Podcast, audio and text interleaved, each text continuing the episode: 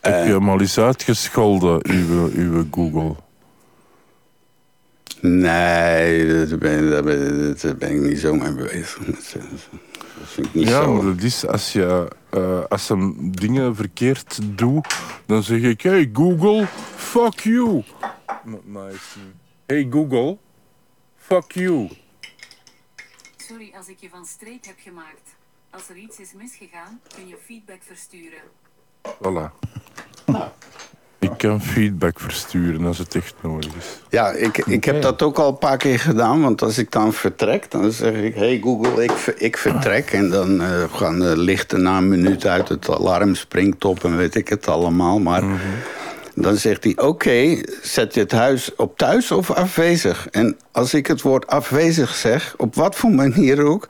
Sorry, dat begrijp ik niet. Herhaal. En, en dat woord herkent hij dus niet. Ja, maar jij mummelt moet ook dan- een beetje, hè? Ja, en, en als je gedronken hebt, nog erger. Maar je moet in je woord ergens een accent leggen. Ik heb dat met atmosfeer. En als ik die rrr niet doe, dan, dan begrijpt hij het ook niet. En in de slaapkamer, als ik daar zeg eh, eh, atmosfeer afzetten, dan zegt hij, ik begrijp niet wat u bedoelt. En dan zeg ik, ja, alle lichten uit, hè, want dan doet hij niet eens alle lichten uit. En dan zegt hij, oké, ik heb de atmosfeer afgezet. En dan denk ik, maar nu snapt het wel. Ja. Maar ja, wat. Nou ja, Frustrerend allemaal. nou ja. even kijken. Ja, ach. Ehm, En die Chinese maar lachen ginder ergens die meeluisteren zijn. Ja, als dat gehackt wordt, dan gaan ze in, heel, in de hele wereld worden dan eh thermostaten op maximaal gezet. Iedereen stookt zich helemaal suf. Niemand weet hoe dat kan. Eh, beveiligingen, ja, ik vraag me af hoe goed is dat beveiligd, dat de Hey Google eh, gebeurde. Ja, het Nou, is van Google- Google, hè.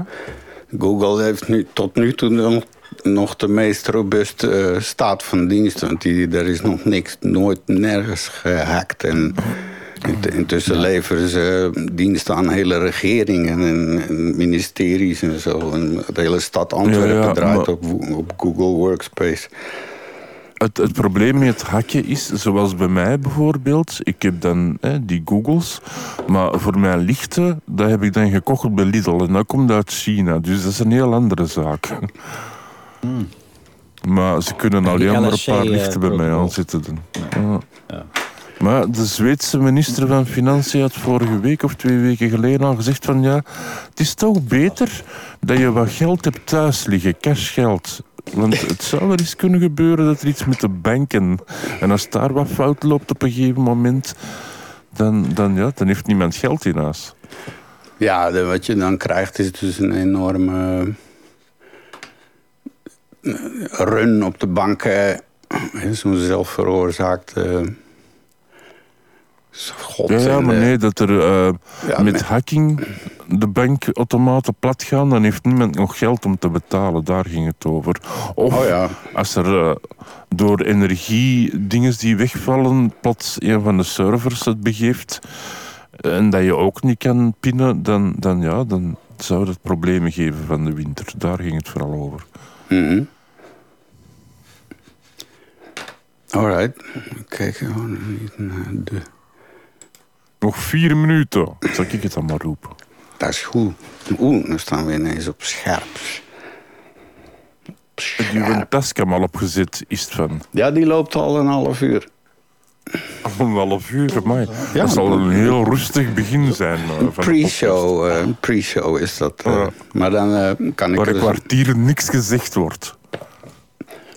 Nou, eh, dat wil je niet zeggen. Nee, maar ik, eh, ik heb een markertje gezet een minuut of vier, vijf geleden. Dat is een mooi begin voor de podcast pre-show. Hè? Want we zijn nu aan het eh, communiceren met onze podcastluisteraars. En dadelijk komt het, de hele natie erbij.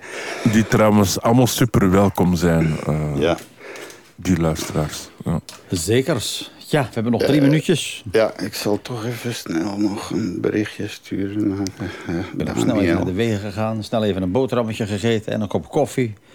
Ik zit nu te stuiteren, want normaal ben ik nooit zo vlot 's ochtends. En, en hoe, hoe moet ik me dat voorstellen, een stuiterende Mario? Nou, dat ik vrij actief, eh, zonder dikke ogen, dingen doe waarvan ik begrijp wat ik aan het doen ben. Alright. En dat heb je anders niet. Nou, s ochtends vroeg, nee. Dan eh, speelt over het algemeen mijn leven zich af in een waas. Een soort prop Ah, ja. dan in je hoofd. Een roze al- wolk? Nou was het maar waar. Nee, het is echt een, gewoon een grijze wolk. Eh, ik, ik heb echt een ochtendhumeur. S ochtends vroeg wil ik niet gestoord worden.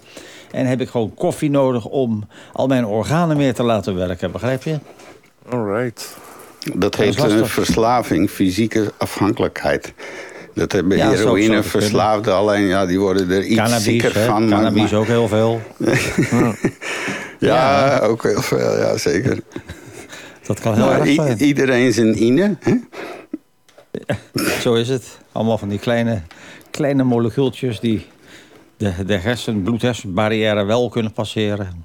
Maar in, in eh, wiet zitten geen ines. Hè? Dat zijn meer... eh, Ja, eh, nou, dat, is, eh, dat ben ik niet... Nou ja, cafeïne, nicotine. Je hebt de, de, ines, dat is een bepaalde groep, had ik begrepen, van stoffen. Ja, dat is ine, ja. Dat is van de, van de ine, je hebt de mine en je hebt de mutte. maar zo is het niet, hè? Oké. Ja, nog één minuut, mensen. Ja. En we zijn live. Het Yes. is hier een beetje koud aan het worden. Denk ik Moet je wel rondlopen. Ja, als het waait, dan koelt het hier af. Want het is hier een tochtnest. Maar ja, Nou, moet- een tip. Moet je je deur dicht doen. ja, nee, die is dicht. Maar die, die ramen uit Ja. 1800, weet ik veel. Dat is... Die hadden dan vervangen Ah. moeten worden deze zomer. Maar dat geld gaat naar de elektriciteitsbedrijven. Of tenminste, dat moeten we Maar, maar je krijgt extra subsidies hè, voor, voor ramen te vervangen, heb ik van de week gelezen. Ja, zeker weten. Maar ja, dat is dan hier nog volgende week niet, hè. Dat is, eh, dan kan je aanschuiven. Dus eh, we schuiven Een langzaam gordijn. aan. Ik zou een gordijn Hey. voorstellen. ja. Zo te zien werkt WhatsApp weer. Oké.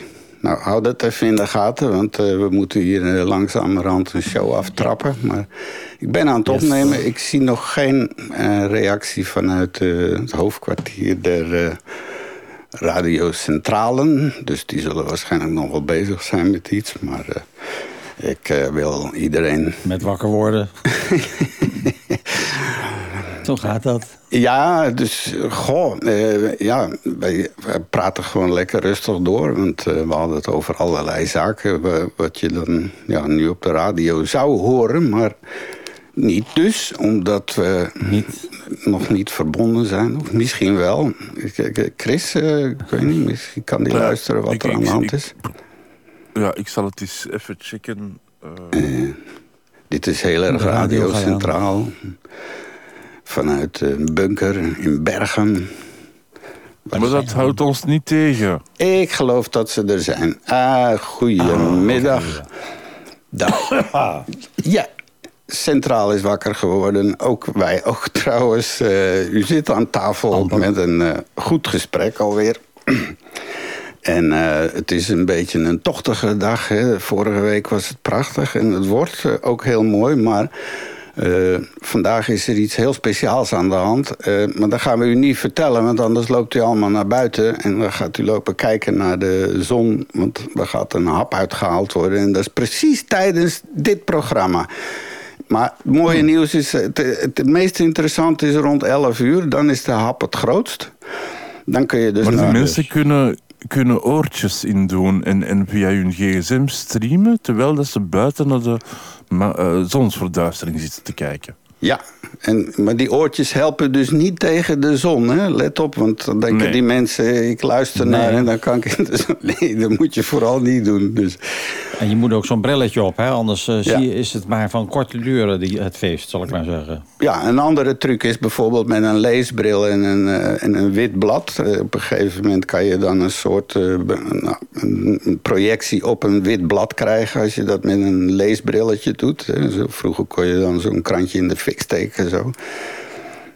Hm? Nooit gedaan? In in kindertijd? Met, een- met een loop zo en dan... eh, Ja, nee, tuurlijk. Nou, Wij- wij- wij- Maar- ik heb wat afgebrand in mijn jeugd. oh, wacht even. Oh, Ja. oh, er komt een onderzoekspodcast aan. ja. Het was een inventief manneke. Ja, we gaan een onderzoekspodcast opstarten. En een hele nieuwe serie over wat is Mario's kindertijd allemaal gebeurd. eh, Waardoor hij zo geworden is dat hij nu is. ja. Maar eh, hey, we trappen hem maar af, jongens. En het is aflevering 102 van de podcast. En nummer 6, denk ik, hier op Radio Centraal. U bent allemaal welkom aan de praattafel. Yeah. Joepie! Radio Centraal presenteert de praattafel. Uw afspraak voor een goed gesprek. Het is niet alleen een, een goed gesprek, En uw favoriete Chris. voilà, maar ook een beetje feest.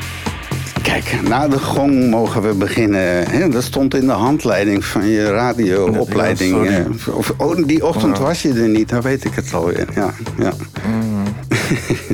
Goedemorgen luisteraars, mijn naam is Istvan Lelossi. Ik spreek tot u vanuit Berghem, Oud-Berghem, in- vanuit de kelder. En namens mij hartstikke welkom aan tafel. En hier uit Rotterdam, eh, Mario, ik ben er weer. Eh, ik, ik laat mijn lichtje weer over dingen schijnen. En ik heb er vandaag zin in, dus eh, ik zou zeggen, welkom. Ja, en, en ik ben dan half verduisterd vanuit Antwerpen. En, en ik heb er eigenlijk ook zin in. Het, het was van de morgen een beetje moeilijk opstaan en zo. Oh, computer opzetten, WhatsApp werkt niet. Maar nu ben ik er helemaal voor klaar. Voilà, kijk eens. Dat gaat niet goed. Zo, en wij zijn er allemaal klaar voor hoor. Wat ligt er op tafel? We hebben het vandaag niet over reptiele theorieën of snelheidsduivels, nog over de Britse politiek, maar, ja, maar, maar, maar, maar wel over hoestsiroop, ballonvaders, Sinterklaas komt langs en eh, hersenscans. Daar gaan we een boeiend experiment mee doen. En dan Mario, die eh, doet in zijn mimicry een en ander uit te doeken over vlindervleugels en zonnepanelen. Ja, je, je begrijpt niet dat al die dingen van alles met elkaar te maken hebben. Onze favoriete eh, Chris brengt u weer gedicht erbij met een mooi gedicht van Piet Bekkaert. Er wordt allemaal uitgelegd hoe dat zit.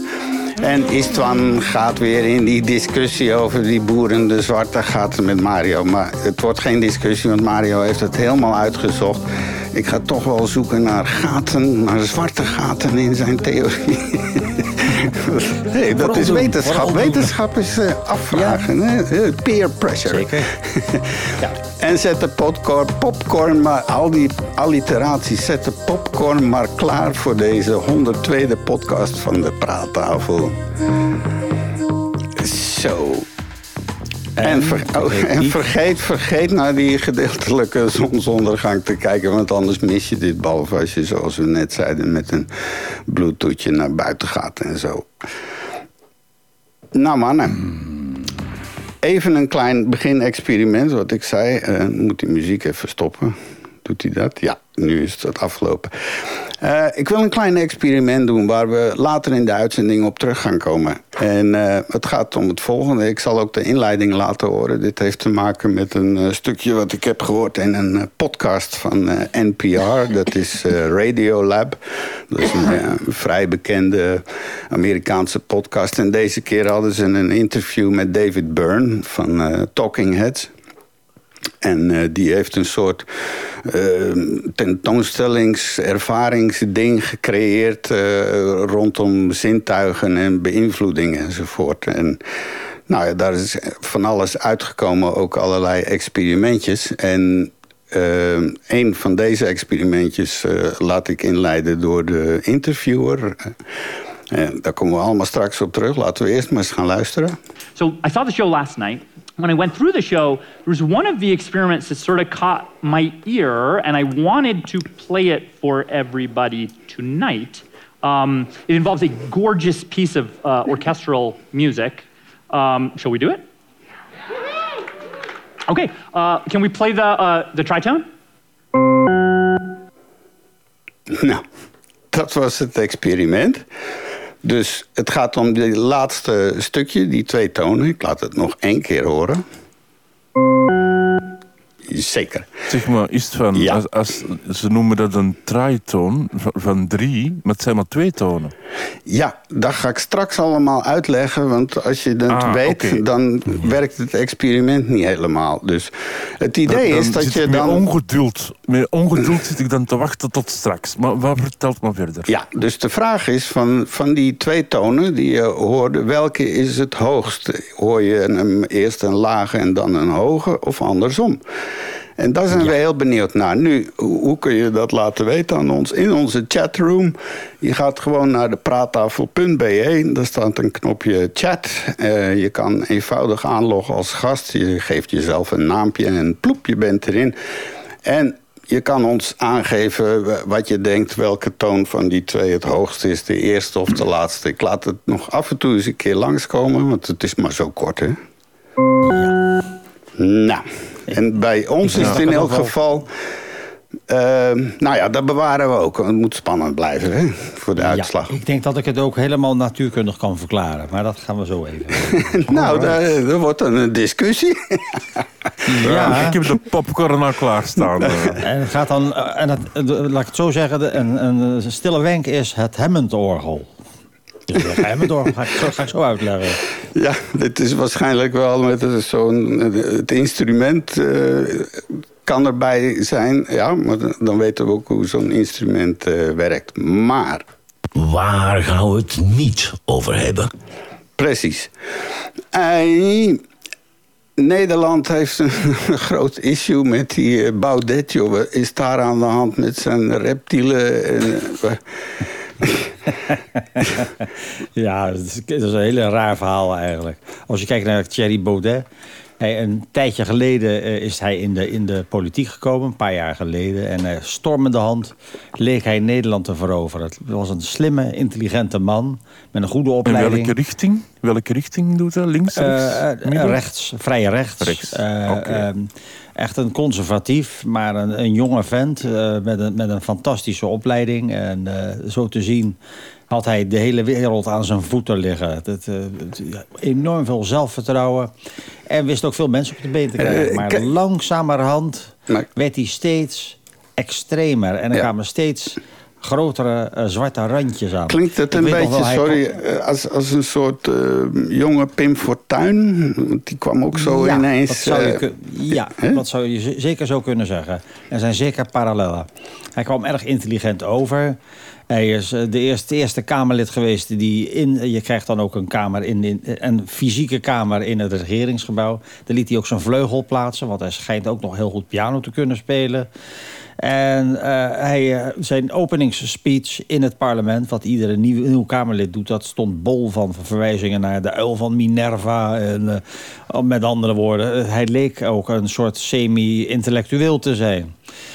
Maar hij heeft ook een academische achtergrond. Maar hij kreeg steeds meer zwarte randjes, steeds meer rare eh, ontsporingen die hij steeds wel weer goed wist te, eh, eh, goed wist te verstrijken.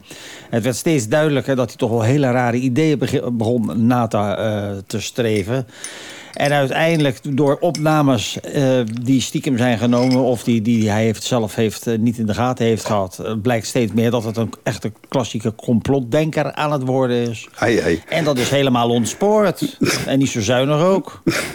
Eh, en en tot nou, een tijdje, en eh, wat nu weer, de, de, eh, kijk, er zit al een soort van een cordon sanitair om hem heen, omdat hij dus ook eh, de discussie niet schuwt en ronduit beledigend tegen andere mensen is en ook hele volksgroepen tegen elkaar weet op te zetten. Het is een beetje een querulant.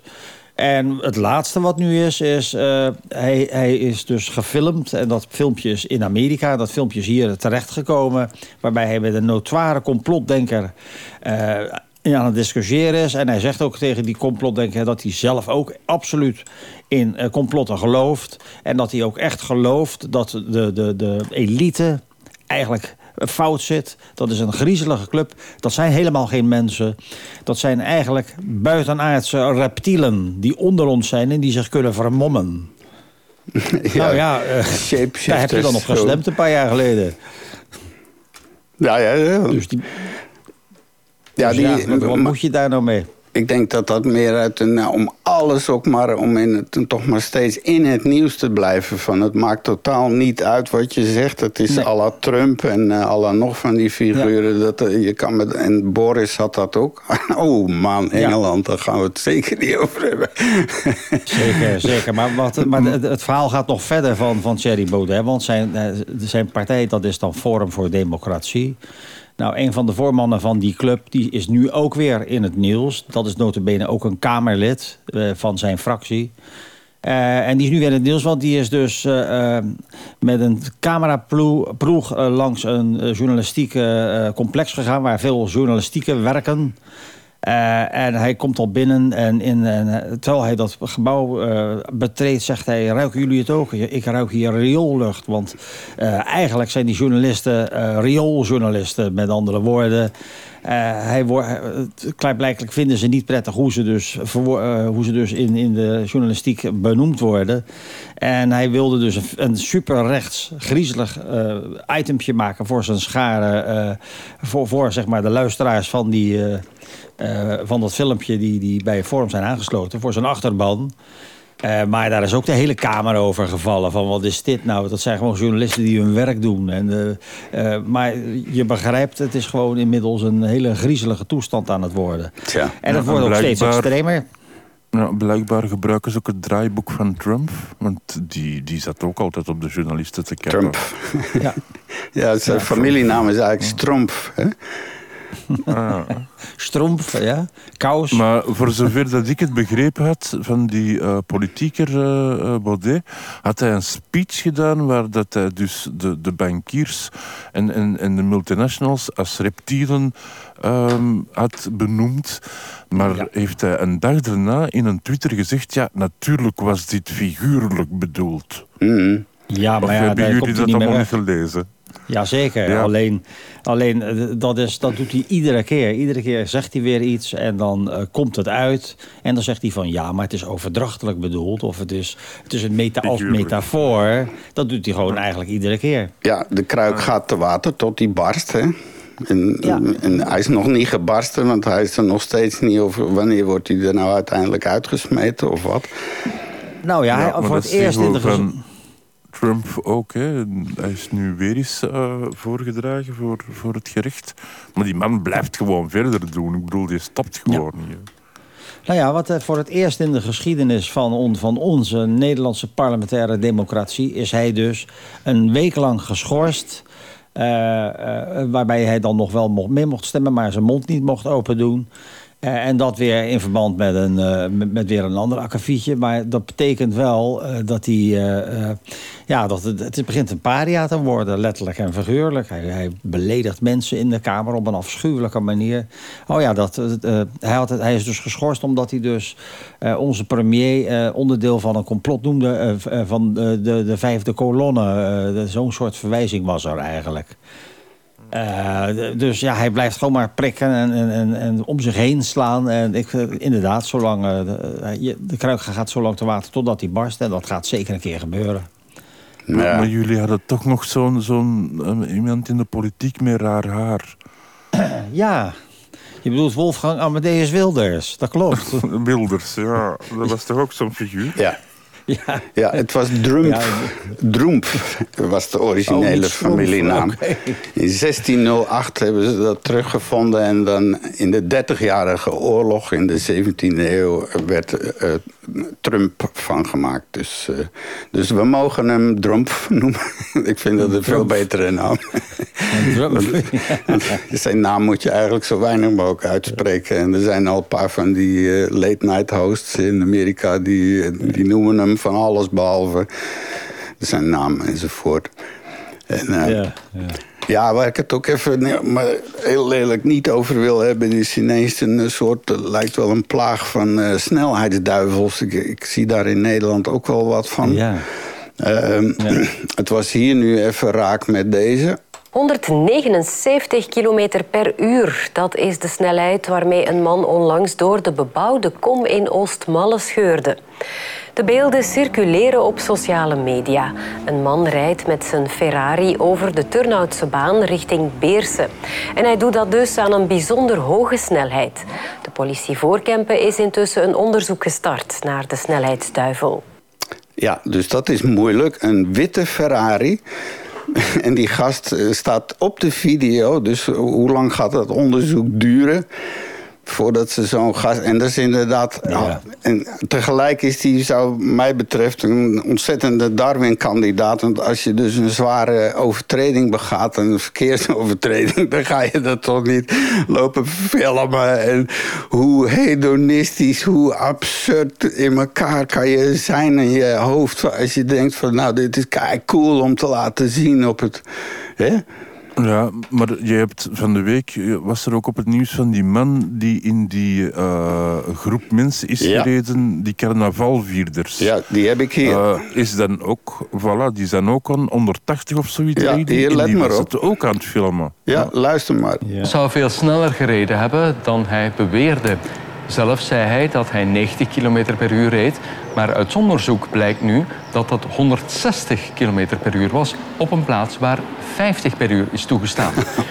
De bestuurder had ook te veel alcohol in zijn bloed en hij filmde de snelle rit met zijn gsm.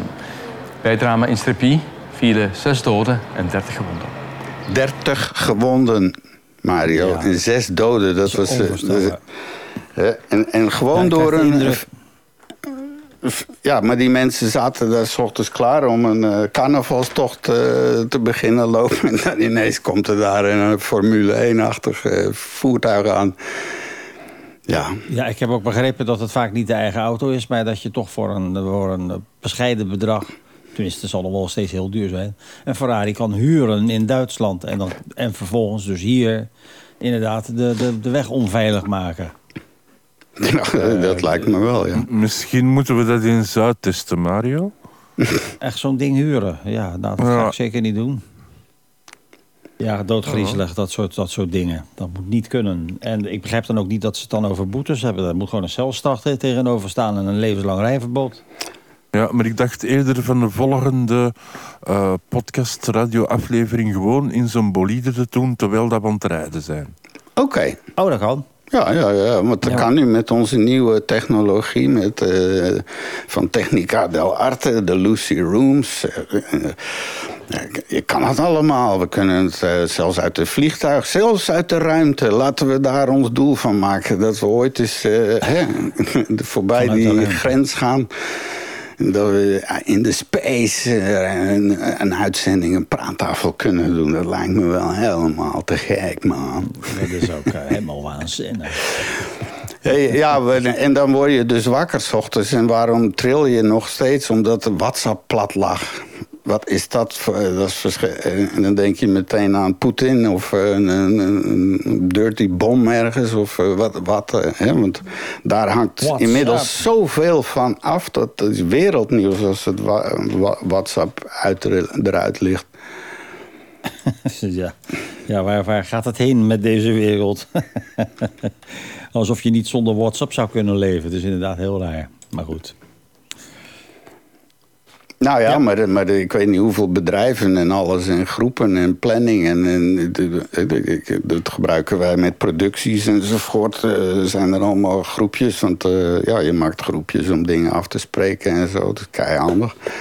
Maar ze domineren de markt dusdanig dat er... Uh, ja, want het is moeilijk om een ander platform te kiezen. Want ja, dan sta je alleen. En veel mensen die zeggen... ja, nee, ik ga niet nog eens een keer iets installeren. Het is wel goed zo. Uh, en, want Messenger is ook...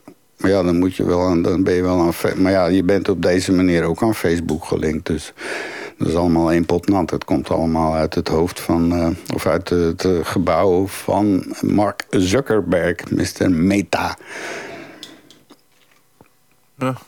Ja, ja ik, ik heb ook gelezen dat de, Oekraïne gebruikt die, die uh, telefoons van Elon Musk, hè, die link. Ja. En, en die zijn daar aan verslaafd, omdat dat de enigste manier is. Maar ik heb onlangs gelezen dat Europa er eigenlijk ook al redelijk goed aan vasthangt. Uh, aan, aan die uh, mogelijkheden. Starlink. Starlink, ja. Dus we zullen vasthangen aan zo'n twee grote bedrijven. Hè. Mm -hmm. Meta en, en, en Starlink. En, en voor de rest is er niets. Of... Nou, er is nu een Britse firma. Die, die heeft de eerste 140 satellieten. Dat zijn ook plannen om... Duizend, er komen dus binnen nu een, een twee, drie jaar... Ik denk dat er 20.000 van die satellieten bij gaan komen. Want er zijn meer spelers. Elon die loopt gewoon voorop.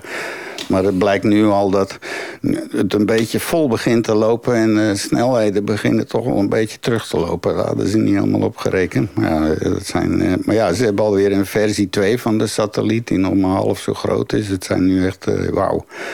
Een soort... En dan verschieten ze ervan dat er mensen geen brieven meer versturen. ja, nou, maar ik denk...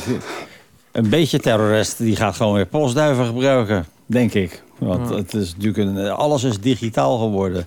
En kijk eens hoe kwetsbaar je dan ook bent. Mm. Je hebt ook nog zoiets als de EMP, daar hoor je weinig over. Die electromagnetic pulse als Ja, wapen. Precies. Eh, waarmee je dus in principe gewoon eh, alle chips kan laten doorbranden in een bepaalde straal. In ieder geval. En alle, al het digitale eh, gebeuren kan slopen eigenlijk. Mhm. Nou, Dat ik snap echt, niet eh, waarom dat ze dat niet gebruiken tegen die drones. Ik, ik heb zo vroeger een collega gehad en dat was een had ingenieur elektronica gestudeerd. Was een jobstudent, die stond aan de afwas.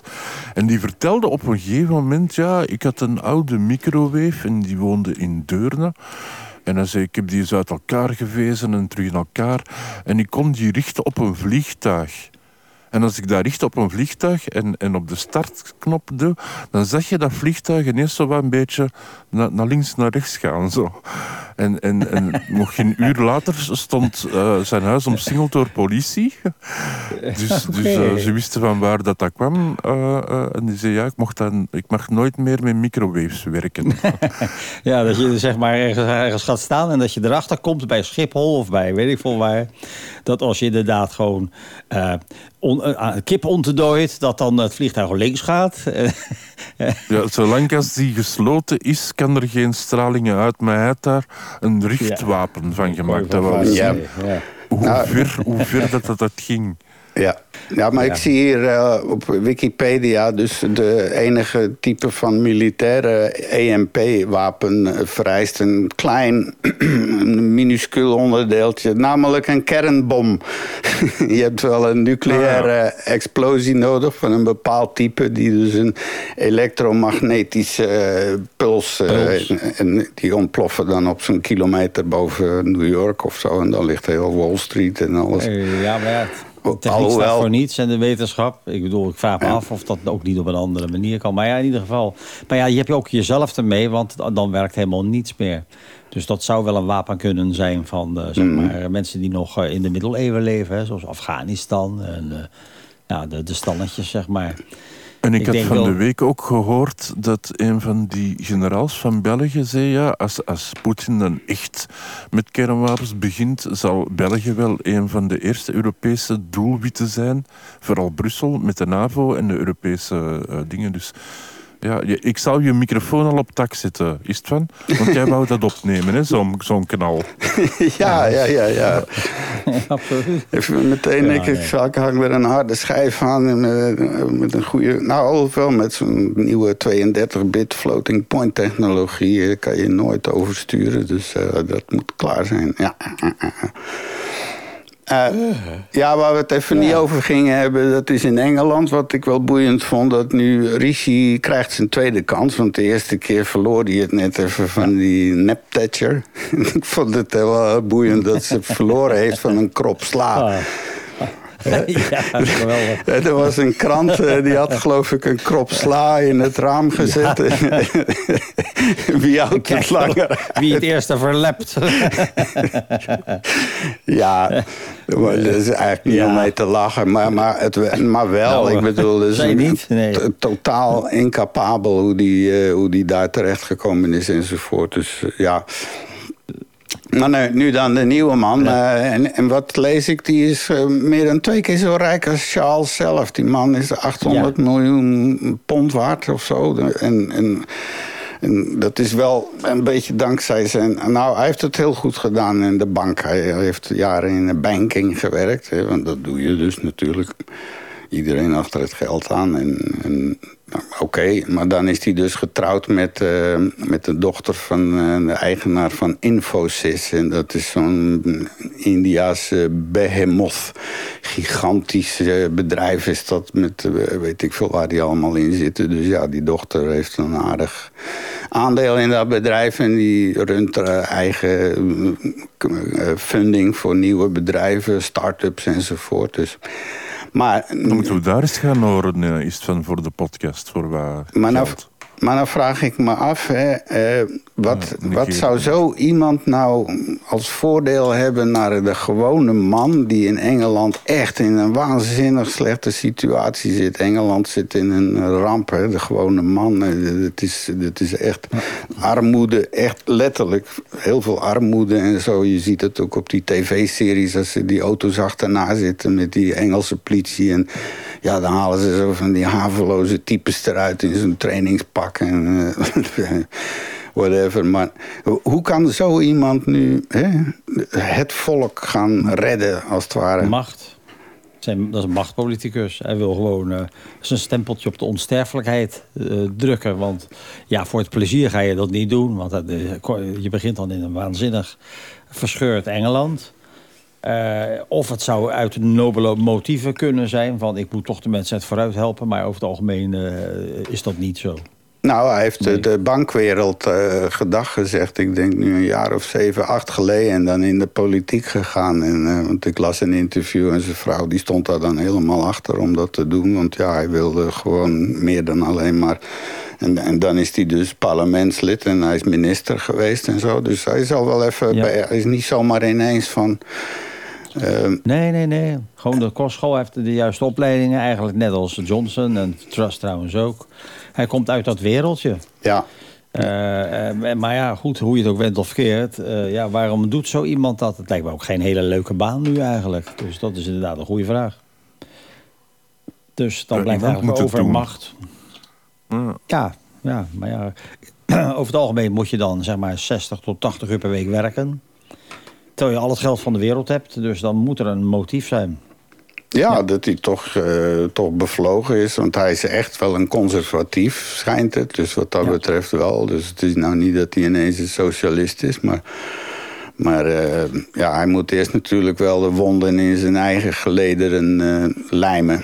Want eh, dat gaat, dan pas kan je vooruit. Als iedereen in je eigen achterban allemaal alle neuzen op één richting staan... kan die vooruit, anders kan hij het ook vergeten. Ja. Dus even kijken, zullen we Nou ja. deze proberen maar met een, met een witte kool.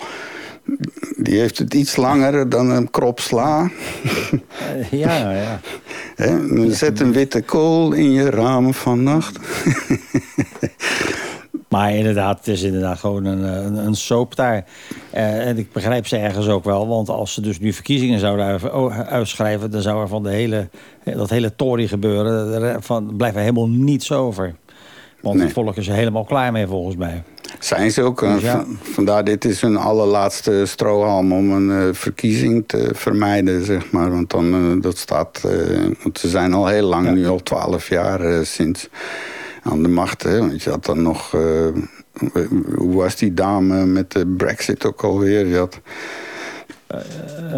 ja, zo snel gaat het. je, hè? je, raakt, je raakt de tel kwijt, hè? Dat Die naam. Een beetje. Hè, er was ook zo'n ijzeren dame alleen die kreeg bijna niks voor elkaar ook met die brexit. En toen kwam Boris erin. Oh ja, eh, ja, ja, ik zie er nog zo... eh, ja. Ja. Ze maakt ook zo'n leuk dansje, hoor. Dat mensen ook wel weer. Ik ben, ik ben het even kwijt. Ja, wie weet. In de Of we hebben het gewoon chatroom. verdrongen, hè? dat kan. Gewoon, we hebben het verdrongen, denk ik. eerder. Er gebeurt te veel, er is overload, er te veel input en ja, dan verdwijnt er ook weer te veel. Hè? Dus, maar in de chatroom kan je ons helpen herinneren. Dat is, ga naar de praattafel.be op je browser of op je web of dik. En dan bovenaan een rood knopje chat en dan hoepsakee. Dan kun je met ons chatten. En dan eh slotte nog even waar ik het nog niet over wil hebben, is dit. hoge drukgebieden en lage drukgebieden die worden eigenlijk veroorzaakt door de straalstroom uh, die zich eigenlijk boven ons bevindt. Dus wat is de straalstroom? Eigenlijk de straalstroom is een soort van slang die zich boven ons bevindt en dat is een luchtstroom die eigenlijk die komt van Noord-Amerika en die gaat over Europa en over Rusland en die gaat zo eigenlijk de wereld rond. En wat zien we is eigenlijk, dus die straalstroom, die is eigenlijk veel trager aan het worden en die gaat veel meer bochten maken en veel trager bewegen en soms ook stil blijven staan. En dat is exact wat we nu eigenlijk aan de hand hebben. Die straalstroom die ligt eigenlijk stil met een meander of een kronkel boven onze regio. En dat hoge drukgebied wat daaraan gerelateerd is, dat blijft dus boven onze regio hangen. En dat zorgt eigenlijk voor die uitzonderlijke weersomstandigheden die we nu hebben. Ja. ja dat heb ik precies zo beschreven een paar podcasts geleden. Dat weet ik nog wel. Yes. Nou, eh, ze hebben je gehoord. Op de, dit was op eh, VRT. Eh, omdat ja, mensen beginnen nu toch wel een beetje op hun hoofd te krabben. Van hallo, het blijft maar zo 18, 19. En uh, overmorgen of wanneer wordt het zelfs 2, 23 graden. En daar komt dus, ja... Hè, dat komt... Nee, dat is het probleem. Dus het, omdat het langer blijft hangen vanwege die kronkels... Want bedenk wel, die straalstroom, dat, dat is dus dat is, ligt veel hoger dan de wolken. Hè? Dus, ja, ja. dus uh, je moet... Dus, uh, en dan praten we eigenlijk de straalstroom van het noordelijke halfrond. Dat moet je er ook bij zeggen. Want er is er ook eentje van het zuidelijke halfrond bij. Die heeft veel minder effect. Maar op het noordelijke halfrond is het zo... doordat dus dat allemaal eh, langzamer draait... en meer die kronkels heeft kan regen ook veel langer uit blijven regenen... waardoor iedereen verzuipt. En het betekent ook dat waar het droog is, het blijft het langer droog. Waardoor, dus in beide gevallen heb je dan een vochtprobleem. Ja. En dat is wat we nu hebben. Zeker, en wat ik dan zag, dat, het, dat dit ook mede wordt veroorzaakt... omdat binnenin die straalstroom, dus dat Noordpoolgebied... aan de bovenkant van de aardbol, zeg maar... dat warmt veel sneller op dan de rest eromheen. Dus daardoor ontstaat er een soort verschil in druk... tussen binnen de straalstroom en daarbuiten enzovoort. Allemaal, allemaal heeft het met elkaar te maken op een... Uh, Zeker. Op een, op een, manier. Maar uh, goed, uh, hier, hier spreken ze al van absurd weer en zo. Dus we moeten ons toch wel langzaam een beetje zorgen maken. Uh, dus in de chatroom, ik laat het nog één keer houden. Het geluid. Ja, dus als je ons wil helpen met het experiment... Ah, we hebben iemand in de, in de chatroom. Even kijken, ik werd even afgeleid. Wow. Um, ja, we zijn dus bezig. En uh, dat geluid waar het om gaat, welke toon is hoger? De eerste of de tweede? En we zijn heel erg benieuwd om te horen hoe je dat ervaart. Het kan verschillen op verschillende oortjes. Of luister je op de luidspreker. Of uh, op je, in je gsm via bluetooth of uh, waar dan ook. Of gewoon ouderwets aan de radio met een kop koffie erbij. Want het is natuurlijk half twaalf en uh, dit is wel een mooie tijd om even alles stil te zetten... en een lekker kopje koffie erbij te pakken. Hm? Zo is het. Hm. In elk geval, luisteraars, u hm. bent er bezig aan de praattafel... en we gaan opstarten naar het volgende onderdeel.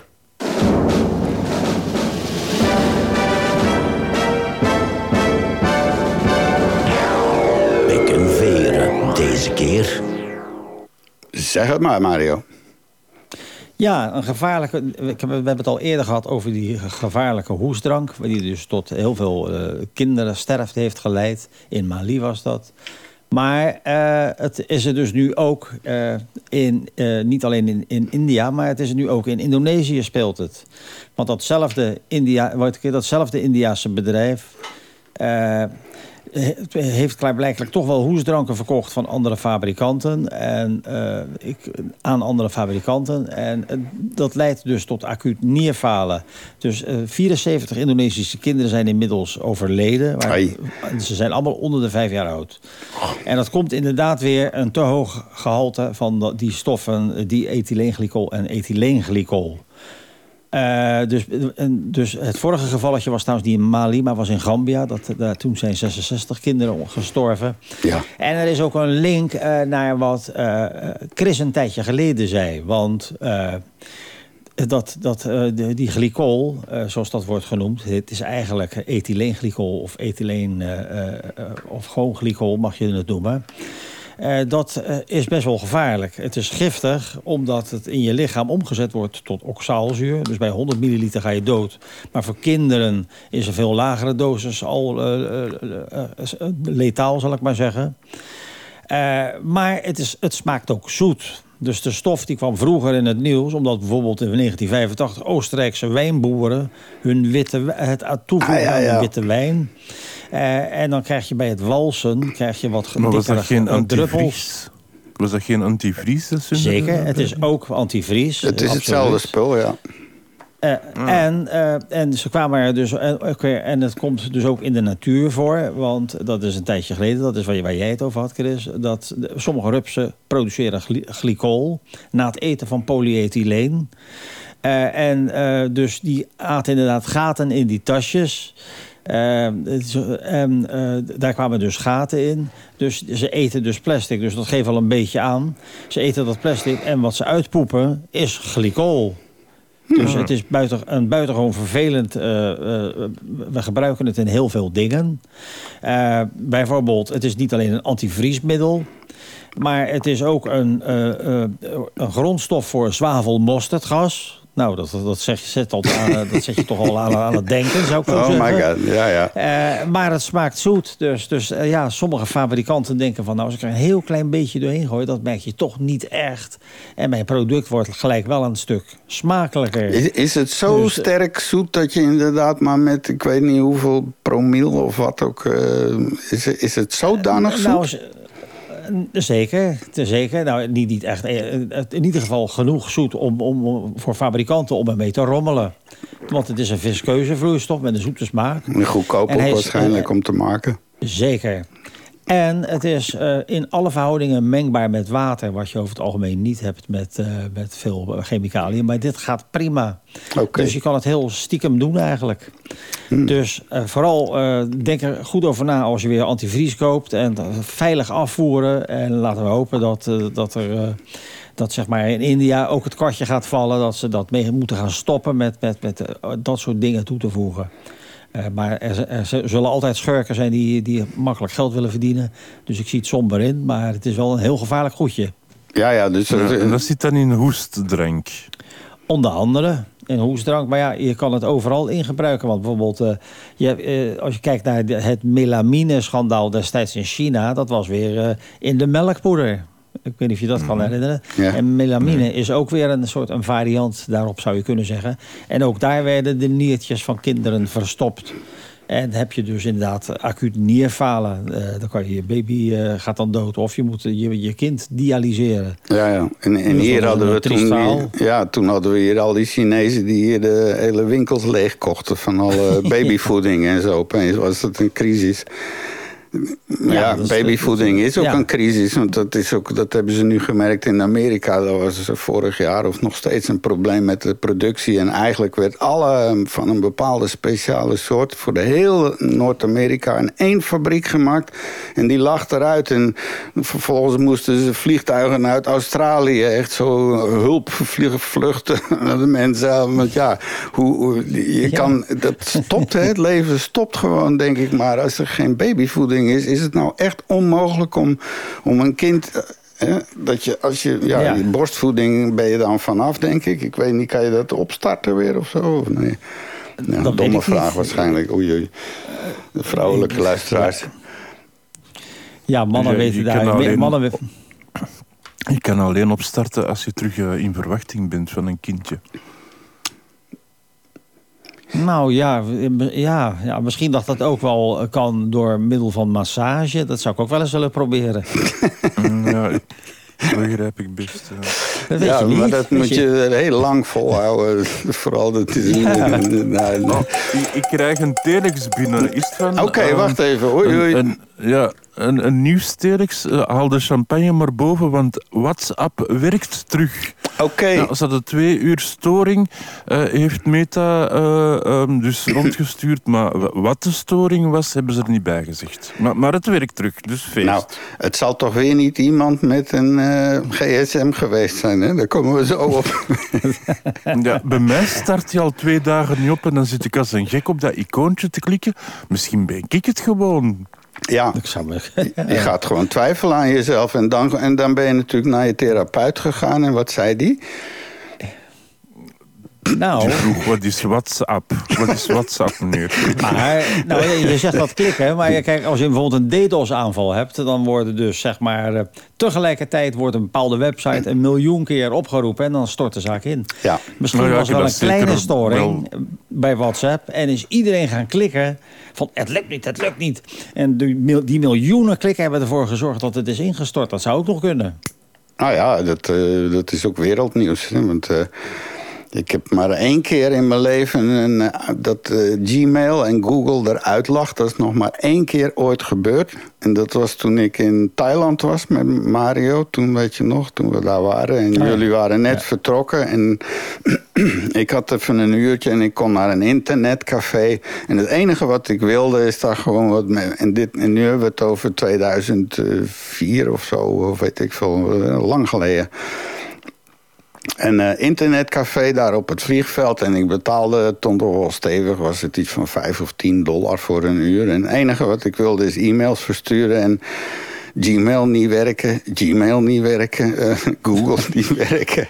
En ik naar die man, ik zeg, eh, kijk eens, hoe kan er nou iets met jullie computer mis en zo? En eh, hij, iedereen anders helemaal happy aan het surfen. En dat was dan mijn, ja, dus niks, dus 10 dollar weg. En, en, en geen, geen eh, Gmail-internet, dat Dus je overkwam zat mij daar dan. bellenblazend en schuimbekkend... zat je daar hier kapot ergeren. Ja. kan. Ja, want, eh, want ik had toen ook nog een, eh, een vlucht gemist en dat was een hele domme fout.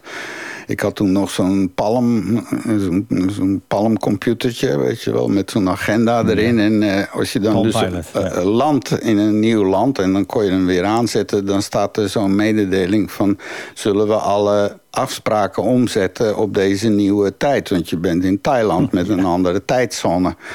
En ik dacht, nee, nee, laten we het maar niet doen. Want dat was een beetje onzeker of zo. Met anders gevolgen dat ik dus om eh, vier uur s'nachts op dat eh, vliegveld stond... en dat ding was om twee uur vertrokken of zo, weet ik veel. Vreselijk, ja.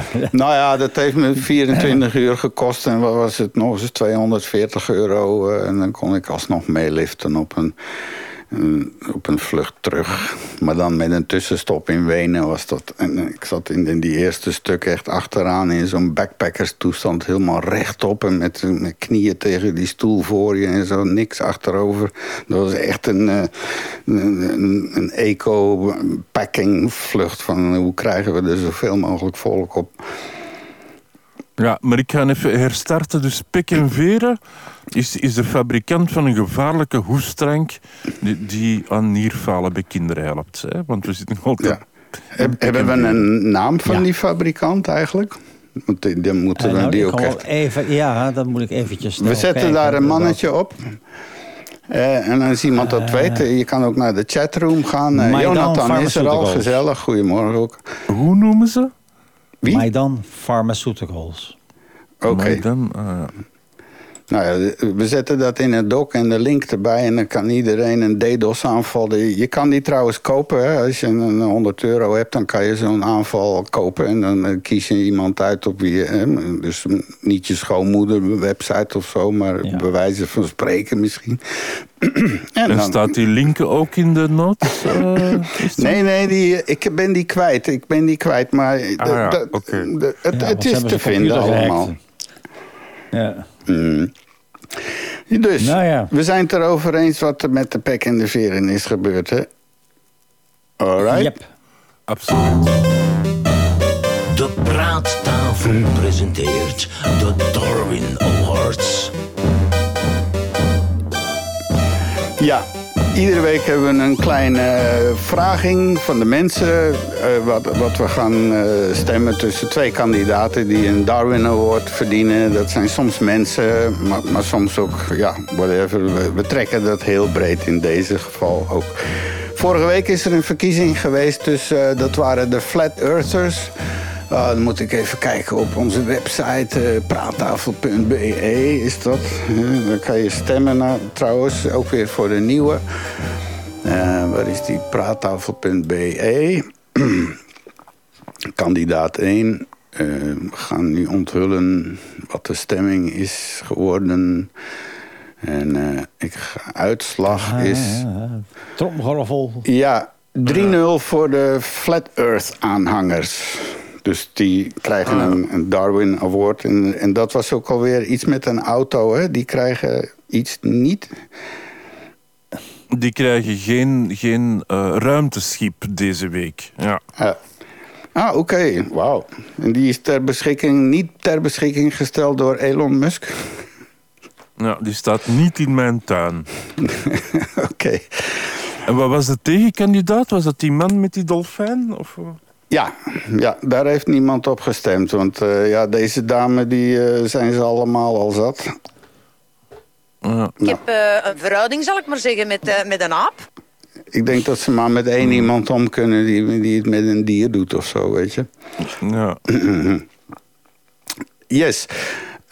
kandidaat 1. De, die had jij gevonden? Wie had die gevonden?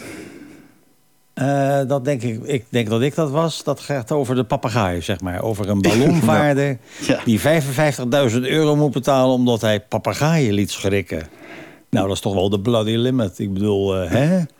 Maar inderdaad, dat was een ballonvaarder uit Schijndel. Die, was, uh, die is dus sinds maart 2017 in een slepend conflict verwikkeld...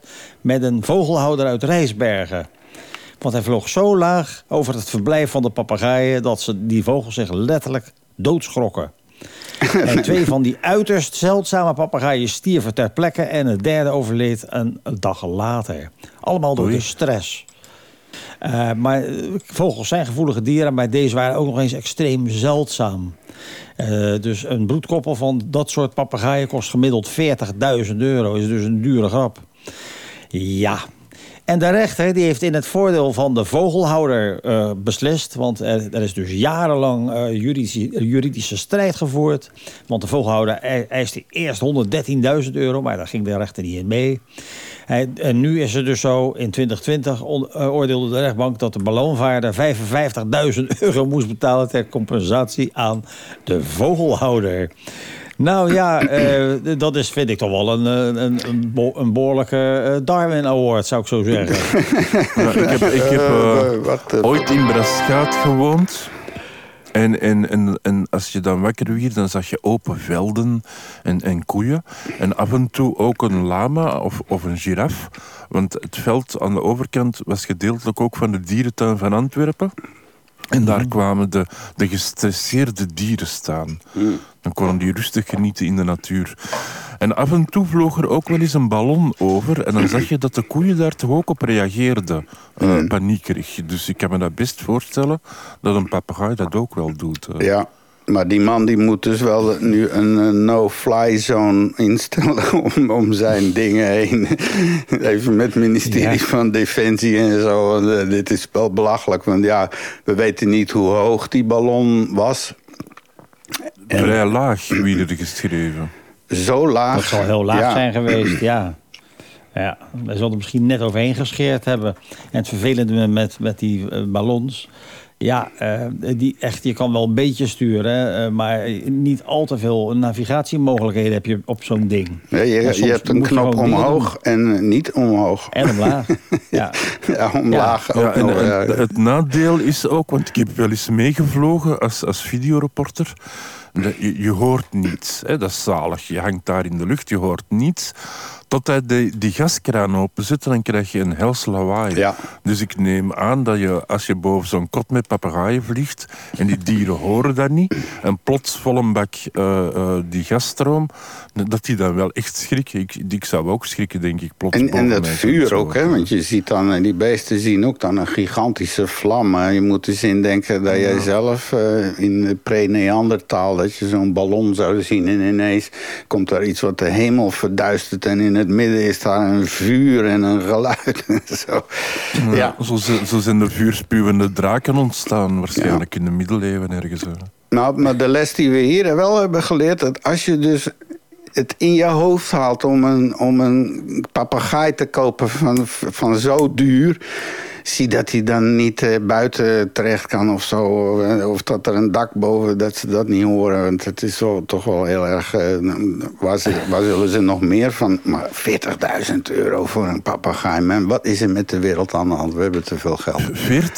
40.000 euro voor een papegaai? Ja, dan ga ik gewoon kip eten vandaag, denk ik. Een broedkoppel van dat type kost 40.000. Dus, uh, dus maar hetzelfde gekte met die duiven, jongen. Dat is helemaal bizar. Die gaan ook voor een miljoen en zo. En die stomme beesten. Sorry hoor. Ja, maar ja, dat, mensen die geld hebben, die, die, die kopen hele exotische dingen. Des te exotischer, des te fijner om te hebben, lijkt het wel. Ja, uh, ja, je zou kunnen zeggen van... Uh, laat, dat, laat die beesten... Ze zijn niet voor niet zo zeldzaam. Mm -hmm. uh, klaarblijkelijk leven ze dan in, in een gebied... Waar, waar er sowieso niet veel zijn. En misschien zijn ze wel zeldzaam... omdat de mens zich ermee bemoeid heeft. Precies. Dus kweken prima, maar om terug te zetten in de natuur... dat vind ik eigenlijk de enige goede reden... om exotische dieren te houden.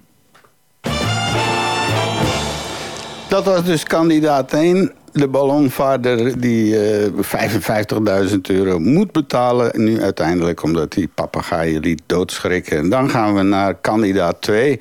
Ja, die heb ik dan zelf gevonden. Dat is ook alweer uniquement dans la Belgique. Uh, dus op een gegeven moment, een week of twee geleden... ineens ging een nucleaire reactor plat. Er kwam dus zo'n mededeling. Die is om bepaalde redenen uitgeschakeld. En dan vervolgens helemaal niks. Geen redenen, er kwam geen rook uit. geen vastlopers, er was geen lekstraling. Er was niks, gewoon helemaal geen nieuws. Nu begrijpen we een beetje waarom. het is nogal uh, een beetje in verlegenheid.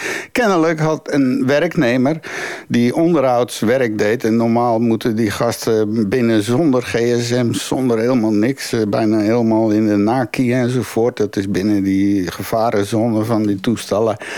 Nou, en die had dan toch een gsm. Hij dacht misschien een selfie te pakken of zo. Van kijk eens achter mij. En, en ja, zo'n ding krijgt dan waarschijnlijk niet echt radiocontact met een toren. En dan, uh, die gsm's hebben dus software die, die normaal zoekt die toren. Die maakt contact en oké, en dat doet hij dan op laag volume. En dan, als hij dat hoort, oké. Maar als hij dan niks hoort, dan zet hij zijn zendertje iets harder. En dan doet hij het nog een keer, want misschien staat er een paal iets ver. En dat stijgt zo steeds totdat hij een paal vindt. En kennelijk is dat gaan gebeuren, dat hij dus zo die signalen uit uitzond. En vroeger kon je dat nog uh, herinneren met als je een gsm bij het geluid een... Uh, Oh ja. Dus, dus ja. met zo'n soort signaal is dan een bepaalde sensor getriggerd. Ergens binnen in zo'n nucleair vat. En ja, dan springt gewoon heel de boel in uh, dingen. En dan wordt er lood ingestoken. En binnen een minuut ligt de hele boel plat. Gewoon zo simpel. Ja. Dat, maar dat zet je wel uh, aan het denken. Als dat klaarblijkelijk kan, dan voel ik me een stuk minder veilig eigenlijk. Ja, je kan dus inderdaad een nucleaire centrale stilleggen. Je hebt het niet gehoord op de Praattafel podcast hoor. Je hebt het niet van ons. maar als je een gsm daar naar binnen kan krijgen... en dat mag zelfs een, een oude Nokia zijn, dat maakt verder niet uit. Maar uh, ja, dat is voor terroristen is het inderdaad... Uh, maar ik zie er nou nog geen eentje met een parachute landen op zo'n reactor... en dan zo'n gsm op dak drukken. Snel whatsappen. Zo. Ja. ja, precies. Dus... Kandidaat 2, de nucleaire waakhond Vank. FANC geeft schoorvoeten toe dat uh, Tihange twee weken plat lag door een uh, gsm. Nou ja, die... We gaan uh, u laten stemmen. Straks op de website kan je weer kiezen wie van ons volgende week de prijs krijgt. Hallo, we gaan uh, doen een stukje geschiedenis. Um... De hysterische historie op tafel. Absoluut. En ja, er was eerst een idee om het volgende in, uh, in uh, twee delen te doen. Eén voor, vorige week en eentje volgende week. Maar het, uh, het is het volgende. We zijn aangeland in het brokje geschiedenis. En deze week halen we er een oude uit de pot, uit, uit de tafel.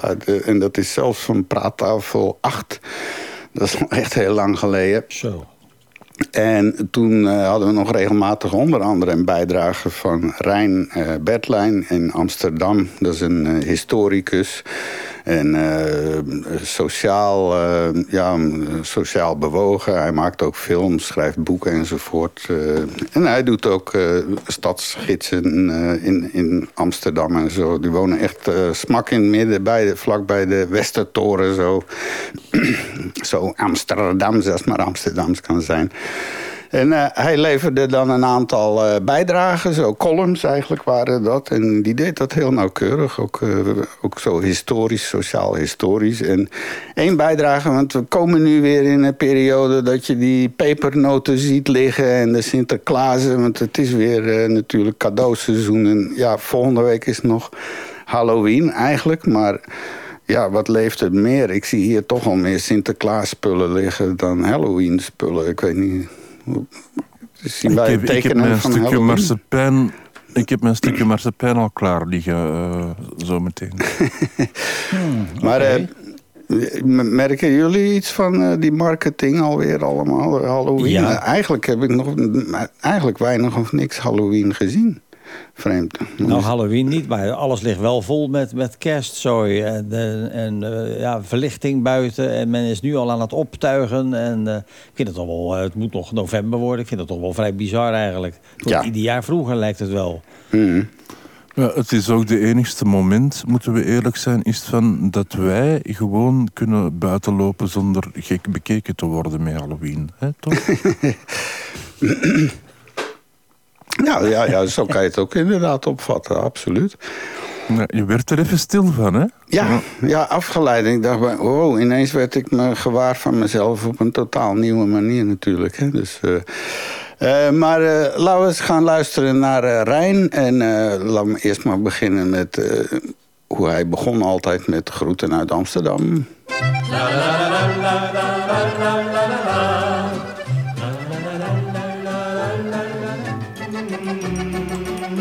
Zie ginds kwam de stoomboot uit Spanje weer aan.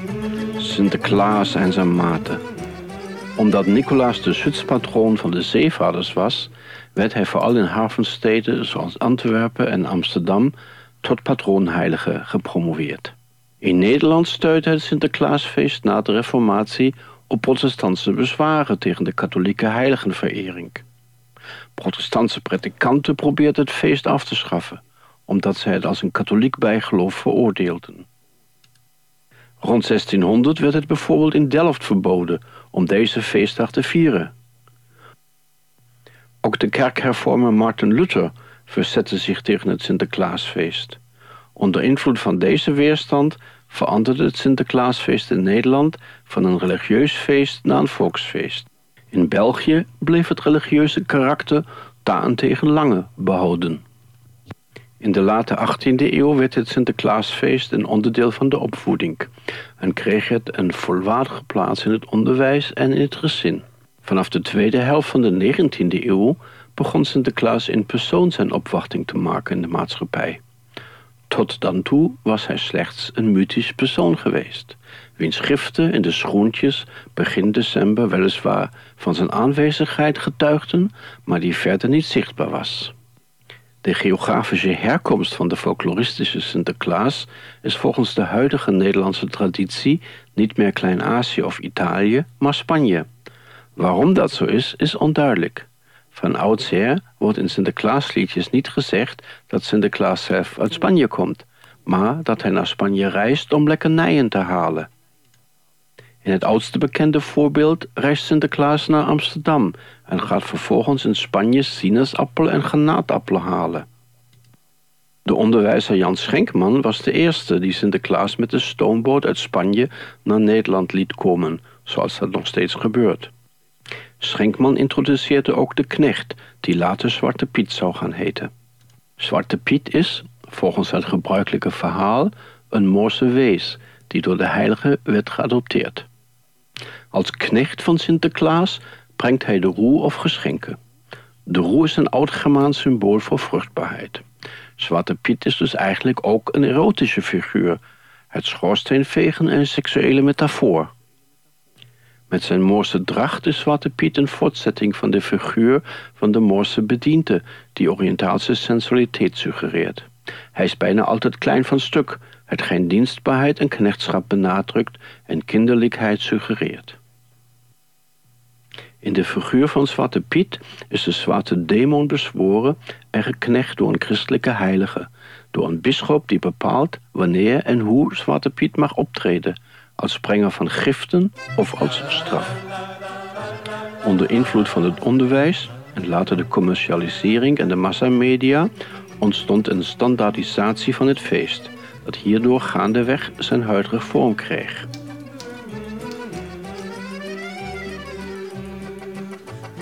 Zie ginds kwam de stoomboot uit Spanje weer aan, Sinterklaas en zijn maten. Omdat Nicolaas de schutspatroon van de zeevaarders was, werd hij vooral in havensteden zoals Antwerpen en Amsterdam tot patroonheilige gepromoveerd. In Nederland steunt het Sinterklaas Ai, ik heb twee keer eh, deel 1, dus u, u, u, krijgt eh, deel 2, bent u eh, schuldig. Dat gaat ik nu meteen fixen, want dat is natuurlijk heel erg. Maar uh, ik vond het wel heel erg uh, boeiend om te horen dat uh, de roe en uh, Zwarte Piet, dat dat toch uh, een, uh, een, behoorlijk seksuele connotatie schijnt te hebben gehad. en ik weet nou niet of dat, dat nou zo... Ja, wat, wat je, ik vond dat toch wel behoorlijk schokkend. Ja, maar nou ja, ik, ik, heb zelf, ik heb zelf ook er iets over gelezen. Ik heb begrepen dat, dat het inderdaad een bisschop was van de plaats Mira... Uh, en dat, is natuurlijk in, in, dat was toen Romeins, maar dat is nu Turkije. En inderdaad, Zwarte Piet was vermoedelijk een Moor. Ja, uh, maar en, en een Moor...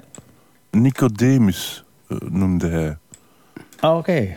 Ja, ik heb begrepen, dus Zwarte Piet was een Moor. Maar kijk, nu is er nogal wat te doen over Me Too... of over zeg maar Black Lives Matter enzovoorts. En we mogen niet meer spreken... We moeten tegenwoordig spreken over donkere mensen... Maar feitelijk... Gekleurde mensen. Of gekleurde mensen. Maar feitelijk is het wel zo dat het natuurlijk niet echt een, een, een Afrikaanse negroïde figuur was. Het was een Moor, dat is een Arabier. Ja. Eigenlijk. En dat blijft al redelijk, uh, uh, uh, zeg maar, onderbelicht. Want ja, heel veel mensen van donkere kleuren... die hebben dat bezwaarlijk gevonden. Want ze, ze dachten van, ja, wij worden weer gepiepeld eigenlijk met, met die kreet. Maar het gaat niet over hun, het gaat over Arabieren. Ja, en, en, met name over de Moren, hè, want die hebben ook lang in Spanje gezeten enzovoort. Die hebben, ja. daar, zijn nog heel veel overblijfselen van. Fijn, dat was een heel geavanceerde beschaving op zich. Ik weet niet waar ze nu nog zijn, want je leest toch weinig over uh, Moren die hier bij de asielzoekers. Ik heb nog nooit gehoord van een Moorse asielzoeker. Maar... Nou ja, de Berbers, hè, de, de, de, zeg maar de Maghreb, dat zijn de klassieke Moren zo'n beetje. Hm, dus de, okay. de Arabische Noord-Afrikanen, dat is een beetje de, de, de, groep waar je dan over praat. Nou, daar zetten we wel uh, uh, ons research-team op. Maar intussen zou ik toch even het verhaal willen afmaken. Dus hier krijg je alsnog deel 2 van Rijn. Echter, niet iedereen is er blij mee. Niet alleen de kinderen, maar heel Nederland is dan ook deze dagen weer in rep en roer. Albert Heijn verkoopt geen chocolade Sinterklaaspoppen meer. En zeker geen zwarte pieten. Op die manier hebben ze zich aan een discussie onttrokken die overal in het land welig tiert. Mogen de zwarte pieten nog echt zwart zijn? Met of zonder dikke lippen, kroesa en gouden oorringen? Of moeten ze voortaan als roetpiet met vegen op het gezicht door het leven gaan? Vanaf 2011 wordt dan ook bij de intochten van Sinterklaas in Nederland geprotesteerd. Onder andere met t-shirts met op de tekst Zwarte Piet is racisme of Kick-out Zwarte Piet. Ondertussen worden de meestal gekleurde actievoerders door witte Nederlanders tegengehouden, zoals in 2017 bij Dokkum, waar de zogenaamde blokkeervriezen onder het thema Ik schaam me niet voor Zwarte Piet, stop de kinderfeesthaters op de snelweg de doorgang versperden. In de grote steden met zijn multiculturele bevolking wordt Zwarte Piet als stereotype figuur en als symbool van slavernij gezien. Anderen, vooral op het platteland, zien de acties als een bedreiging van het Nederlands erfgoed. De kinderen zal het worst wezen. Carnavaleske verkleedpartijen, intochten, feestjes met snoep en cadeautjes. Als dit maar niet verandert, dan zijn de kleine Hollanders al lang tevreden.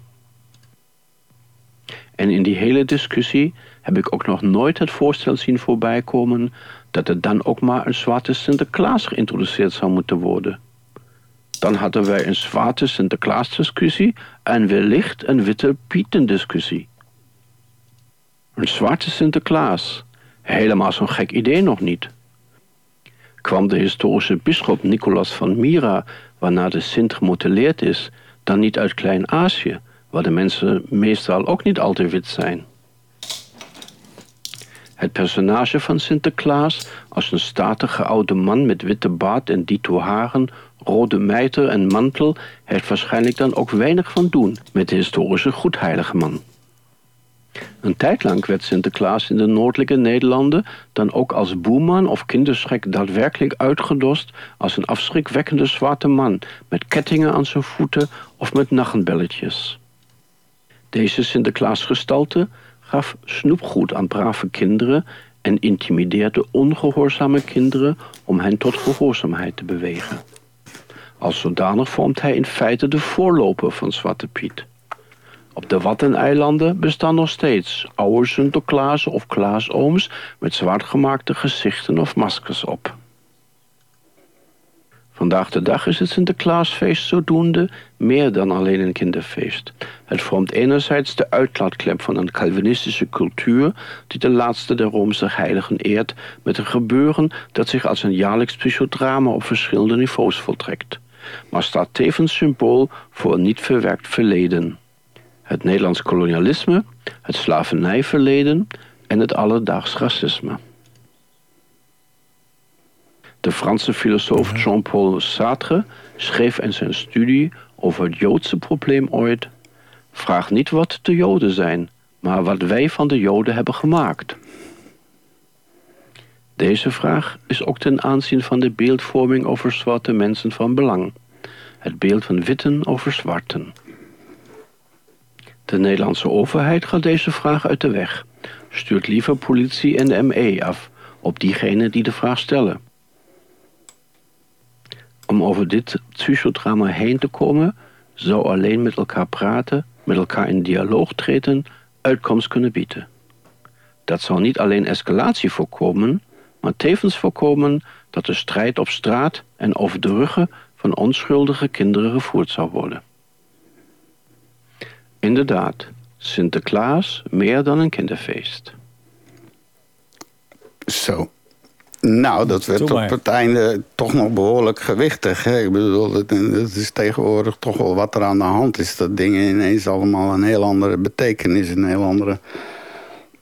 Ja, het is Bijltjesdag iedereen vindt wat. Het begon met uh, de, de, de, in de diverse geloofsstromingen. De katholieke kerk, uh, de Jehovah's.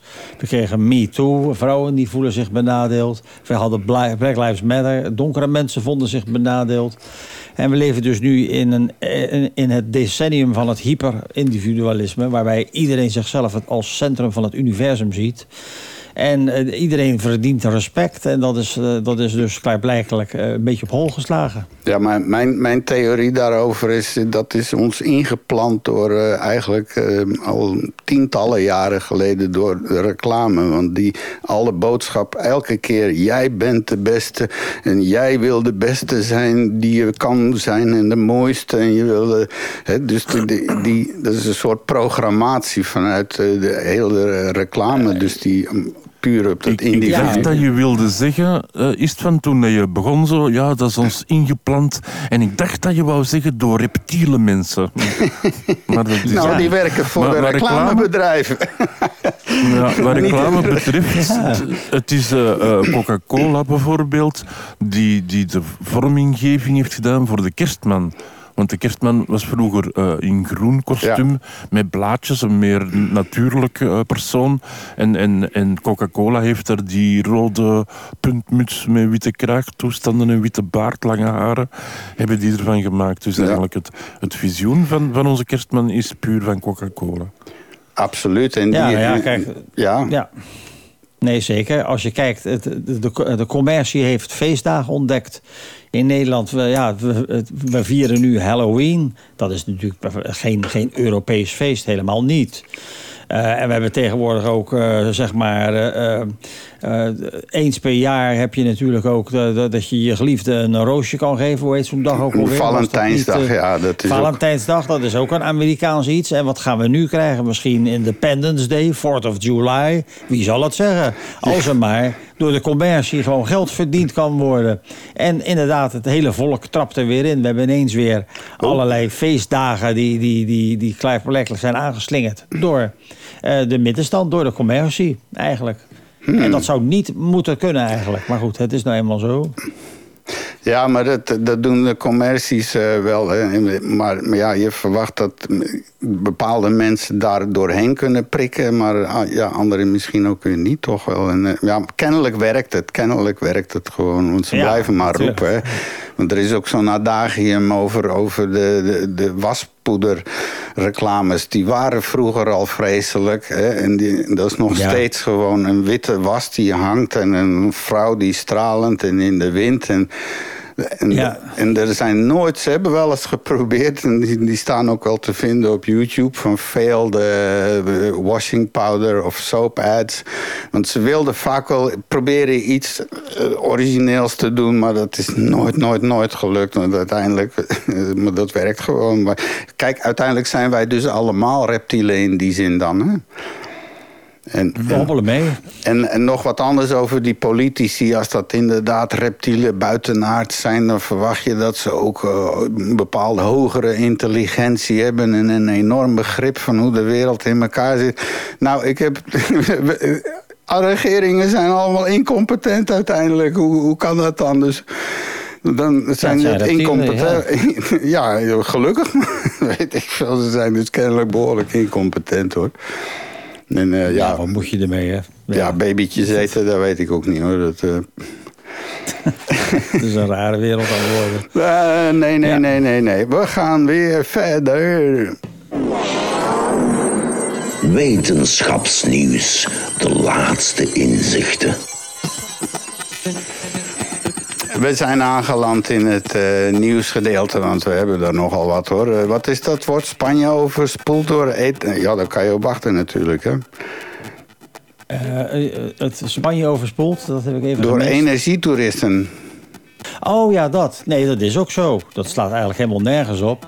De, het is dus op dit moment zo dat de energieprijzen helemaal de, eigenlijk de, dat begint te exploderen. En er zijn een hele hoop mensen zijn erachter gekomen van... ja, ik kan wel thuis blijven zitten en uh, 250 of, of 400 euro per maand betalen aan mijn energie.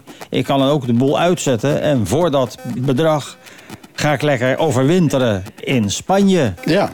En dat is dus nu het nieuwe energietoerisme eigenlijk. En dat begint ook inderdaad echt redelijk... Uh, uh, dat begint dus inderdaad echt enorm vorm te krijgen. De, de, er is een enorme stroom nu. Het, Spanje wordt niet voor niets overspoeld, zo noemen ze dat ook echt.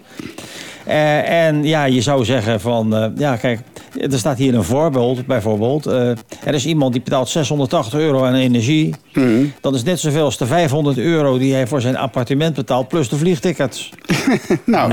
En dan heb je een keuken en een douche en je leeft en het is lekker warm. En, de, ja, dus ja, en je kan lunchen voor een, iets van 8 euro. Want eten en zo, en restaurant is daar ook keigoedkoop, heb ik gehoord. Ja, ik heb ook uh, onlangs gelezen in de krant door, door al dat uh, homeworking hè, met de coronacrisis, dat iedereen thuis zat te werken, dat mensen hebben ontdekt, ja, als ik thuis kan werken, kan ik dat ook in Spanje doen. Absoluut. Ja. Ja, nee, dat is ook zo. Dus op zich vind ik het helemaal geen, geen, geen gek idee. Ik begrijp het ook best wel dat mensen dat doen. Maar ik moet er wel bij zeggen... Uh, mijn, mijn broer is een stuk ouder dan ik. Die gaat ook al sinds jaar en dag in, in, uh, naar, naar hoe heet het ook weer, Portugal, naar de Algarve... om daar een beetje te overwinteren. En ik ben er ook een keer geweest. Maar ja, het is de grote grijze golf en het leven bestaat uit keuvelen. Dus, dus je, je, zit in je, ja, je, je, ja, een beetje, ja, dat is eigenlijk, dat is het. Dus over de boulevard wandelen en een kopje koffie drinken en, en een juk croissantje ja, ouder worden, je, hè? Ouder worden. En ouder worden, maar je hebt niet al te veel daar te doen eigenlijk. Nee. Het, het, het, enige vermaak bestaat uit wat sommige hotels aanbieden. Dan vindt, speelt er ergens een beentje. En een paar dagen later speelt er ergens anders een beentje. Dat is precies hetzelfde beentje, maar hebben ze andere kleren aan. Ja. Uh, en zo keuvel je als het ware zeg maar, in een aangename temperatuur de winter door, zou ik zo zeggen. Oh, ja. En daar, op zich is daar niks mis mee, want als je dat heerlijk vindt, moet je dat vooral doen. Ja, ja maar er zijn heel veel mensen, de, ouders van mijn echtgenoten deden dat ook vroeger altijd. dat was zo typisch, je vertrokken dan november en dan bleven die tot maart daar uh, gewoon sowieso al omdat het ja. aangenamer is dan hier. En, en vaak ook bouwen ze vriendschappen op. Hè? En dan uh, komen ze daar met zo verschillende mensen. Ons kent ons. En dan ontstaat er natuurlijk wel het vervelende... dat er één voor één begint weg te vallen. Weet je wel. Want ja, we worden natuurlijk ouder en ouder en ouder en ouder. Maar dat geldt ook hier natuurlijk. Ja. Even teruglinken met het volgende graf van Sint-Niklaas. Eh, teruggevonden onder Turkse kerk. Dus nou moeten we weer van Spanje naar Turkije. Hoe komen we daar terecht? Wie heeft dat geleverd? Uh, nou, dat heb ik ingeleverd. Okay. Uh, het is inderdaad zo. Uh, het graf van Sint-Nicolaas is dus gevonden. Hij was natuurlijk bisschop van Myra. En dat was een Romeinse stad in Turkije. Ja. Uh, en de huidige stad Demre in, in Turkije, zo wordt dat genoemd. Ik weet niet of het goed uitspreekt. Demre, dat is dus als daar bovenop Mira gebouwd. Oké. Uh, en na zijn dood na, een, begon Mira uit, een deel uit te maken van het Byzantijnse Rijk. En de Byzantijnen hebben zijn verering verspreid, onder meer in Rome en West-Europa. En hij is ook in Rusland best wel een belangrijke figuur. En eh, dat graf is natuurlijk een beetje een belangrijke ontdekking. Want het is dus inderdaad gebouwd bovenop een Turkse kerk. Vind ik ook wel heel grappig eigenlijk. Mhm. En uh, hoe, hoe, hebben ze dat weten te vinden? Dat vind ik ook wel heel bijzonder. Dat hebben ze gedaan met hele oude foto's uit 1910. Oké. Want Sint-Nicolaas werd in de 6e eeuw vereerd als een heilige door de Byzantijnen. We hebben een nieuwe kerk opgeplaatst, zoals ik al eerder zei. En dankzij enkele foto's, details op die foto's... kwamen archeologen op een indicatie van waar die oorspronkelijke kerk zich precies bevond. Hmm. Nou, vervolgens hebben ze bij opgravingen uh, in die kerk hebben ze dus het, het graf, uh, de vloer gevonden en het graf waarover de heilige heeft gelopen. En deze vloer zal dus ook een, een onderdeel zijn van een soort van permanente tentoonstelling. Oh, Oké. En uh, dat zal dus ook volgens zeg maar, de, de Turkse, de, de, Turkse culturele erfgoedbehoeders... die zeggen ook van dat is een belangrijke ontdekking... en dat zal een extra waarde aan de kerk geven. Oké. Dus ja, Toerisme. alleen zijn botten liggen er helaas niet in... want die beenderen zijn er al een hele tijd geleden uitgehaald. En die zijn zo te zien weer terechtgekomen in Bari. En hij, men zegt dat hij in een crypt is gelegd. Het zou ook maar zomaar kunnen zijn dat hij is verkaveld. Want kijk eens naar al die uh, relieken die al die kerken hebben. Overal hebben ze wel een bordje van een of andere figuur.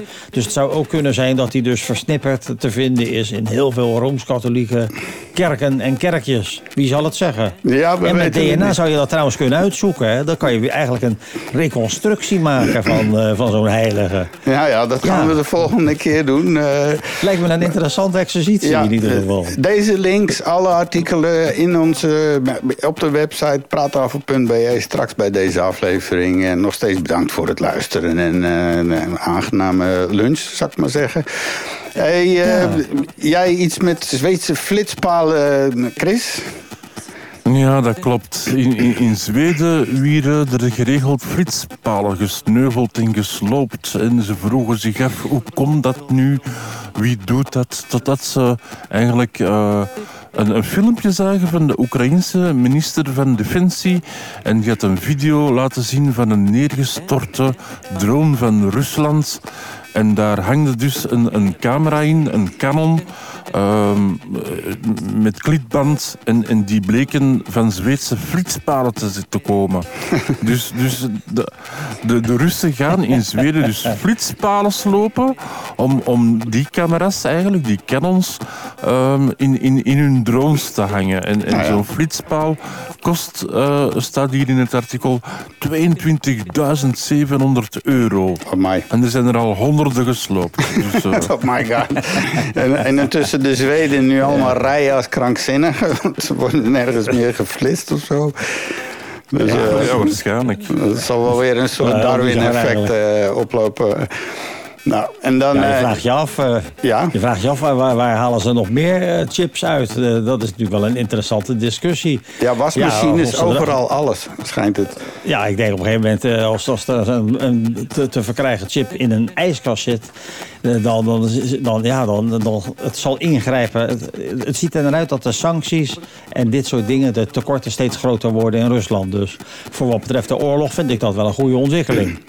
Ja, want eh, geeft aan dat, eh, ja. Ja, wat reserveonderdelen betreft, eh, misschien had de vorige keer al gezegd, er was dus zo'n een, een videootje ook van zo'n Russische piloot die, waar zo'n Garmin vastgeplakt zit voor op het, voor op het dashboard op te zien waar die Nou, vliegt. dat- want die hebben helemaal die spullen niet. Nee, en, en je ziet ook, en dat is ook, dat stond ook van de week in het nieuws, er is weer een tweede vliegtuig gecrashed. In Rusland. Die is op een, eh, en het bleek nu ook dat zeg maar, eh, men vermoedt dat er iets met, eh, met, met het klimaat, weet ik, met ja, het atmosfeer in de cockpit van doen had. Omdat het, het, het ziet er naar uit dat ze dus geen lucht meer hadden. Ze zijn gestikt in hun eigen vliegtuig. En men weet dat eigenlijk om de boel draaiende te houden, te houden hun, hun luchtmacht, worden gewoon, eh, is men aan het cannibaliseren. Dus eh, alles wat, want ze krijgen geen nieuwe onderdelen meer. Dus om het een beetje draaiende te houden, moeten ze dingen slopen. En moeten ze inderdaad eh, met, met plakband bij wijze van spreken de boel draaiende te houden. Ja, ja. Draaiende houden. Ja, je leest ook berichten van die soldaten die oude geweren moeten opschilderen en zo, anders staan ze roestig op. Dit is echt heel verschrikkelijk. Hey, eh, hoe zit het met die bierglazen, Chris? Heb je nog iets weer gevonden wat eh, in het wereldnieuws is? klopt. Althans. De brouwerij Alkenmaas van, van Maton, allee, ja, ze hebben zo'n slogan, die, die vraagt om de klanten van cafés, de cafébezoekers, om alsjeblieft geen bierglazen meer te stelen. Want er is een tekort, het glas is duur. En, en dat komt ook omdat er heel veel energie wordt gebruikt om glas te maken. En, en, en als de klanten steeds glazen stelen, ja, dan, dan heeft op den duur een café geen glazen meer. En, en, eh, een een café zonder glazen is even erg als een café zonder bier. Ah, Dus, nou, eh, ja, dan mensen- gaan ze gewoon eh, met een Nou. slang rond aan de tap of zo, weet ik veel. Nou ja, wat, wat je ziet op festivals, op zich ben ik daar wel een voorstander van... om dus de, de hoeveelheid rotzooi eh, tegen te gaan. Krijg je tegenwoordig op een festival, je koopt een biertje... dan krijg je een plastic glas. En, en die moet je bewaren, eh, want wil je weer een biertje... dan wordt dat gevuld weer in jouw glas. Dat zouden ze natuurlijk ook in kroegen kunnen doen. Ja, nee, dat, dat gaat dus niet in België, Mario. Want, want bier wordt gedronken uit een bierglas. Ja, je gaat niet op een café Ja. voor Nou, een bekertje. Dat- Maar dat op festivals hè, krijg je hier ook wel plastic al. Hè. Dat is, ze hebben zo'n iets beter soort van plastic. Maar eh, en ik, en bij, eh, hoe heet dat bijvoorbeeld, het Middelheim... daar moet je ook een euro of zo betalen voor een eh, glas statiegeld. Dus, dus we doen het hier wel Ja. hier en daar. Maar op festivals Ja, dan, de, zomer, Maar de in een café. zomerfabriek ook. Maar worden die op Als café gestolen, die dingen? Of? Die worden op café gestolen. Ja. Dat zijn ook de enigste plaatsen waar dat ze nog glazen gebruiken. Hè.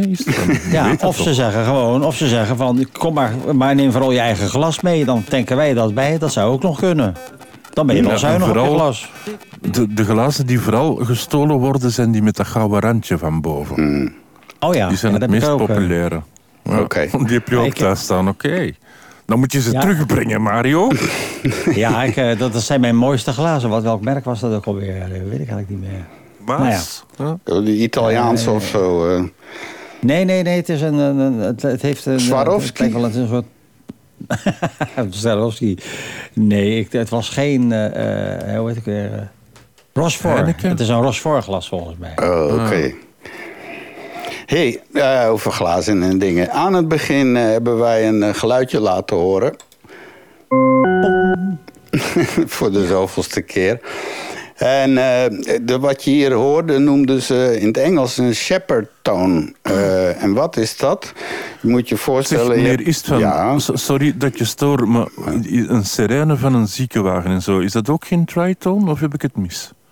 Die Dat- tuut, tuut, tuut, tuut.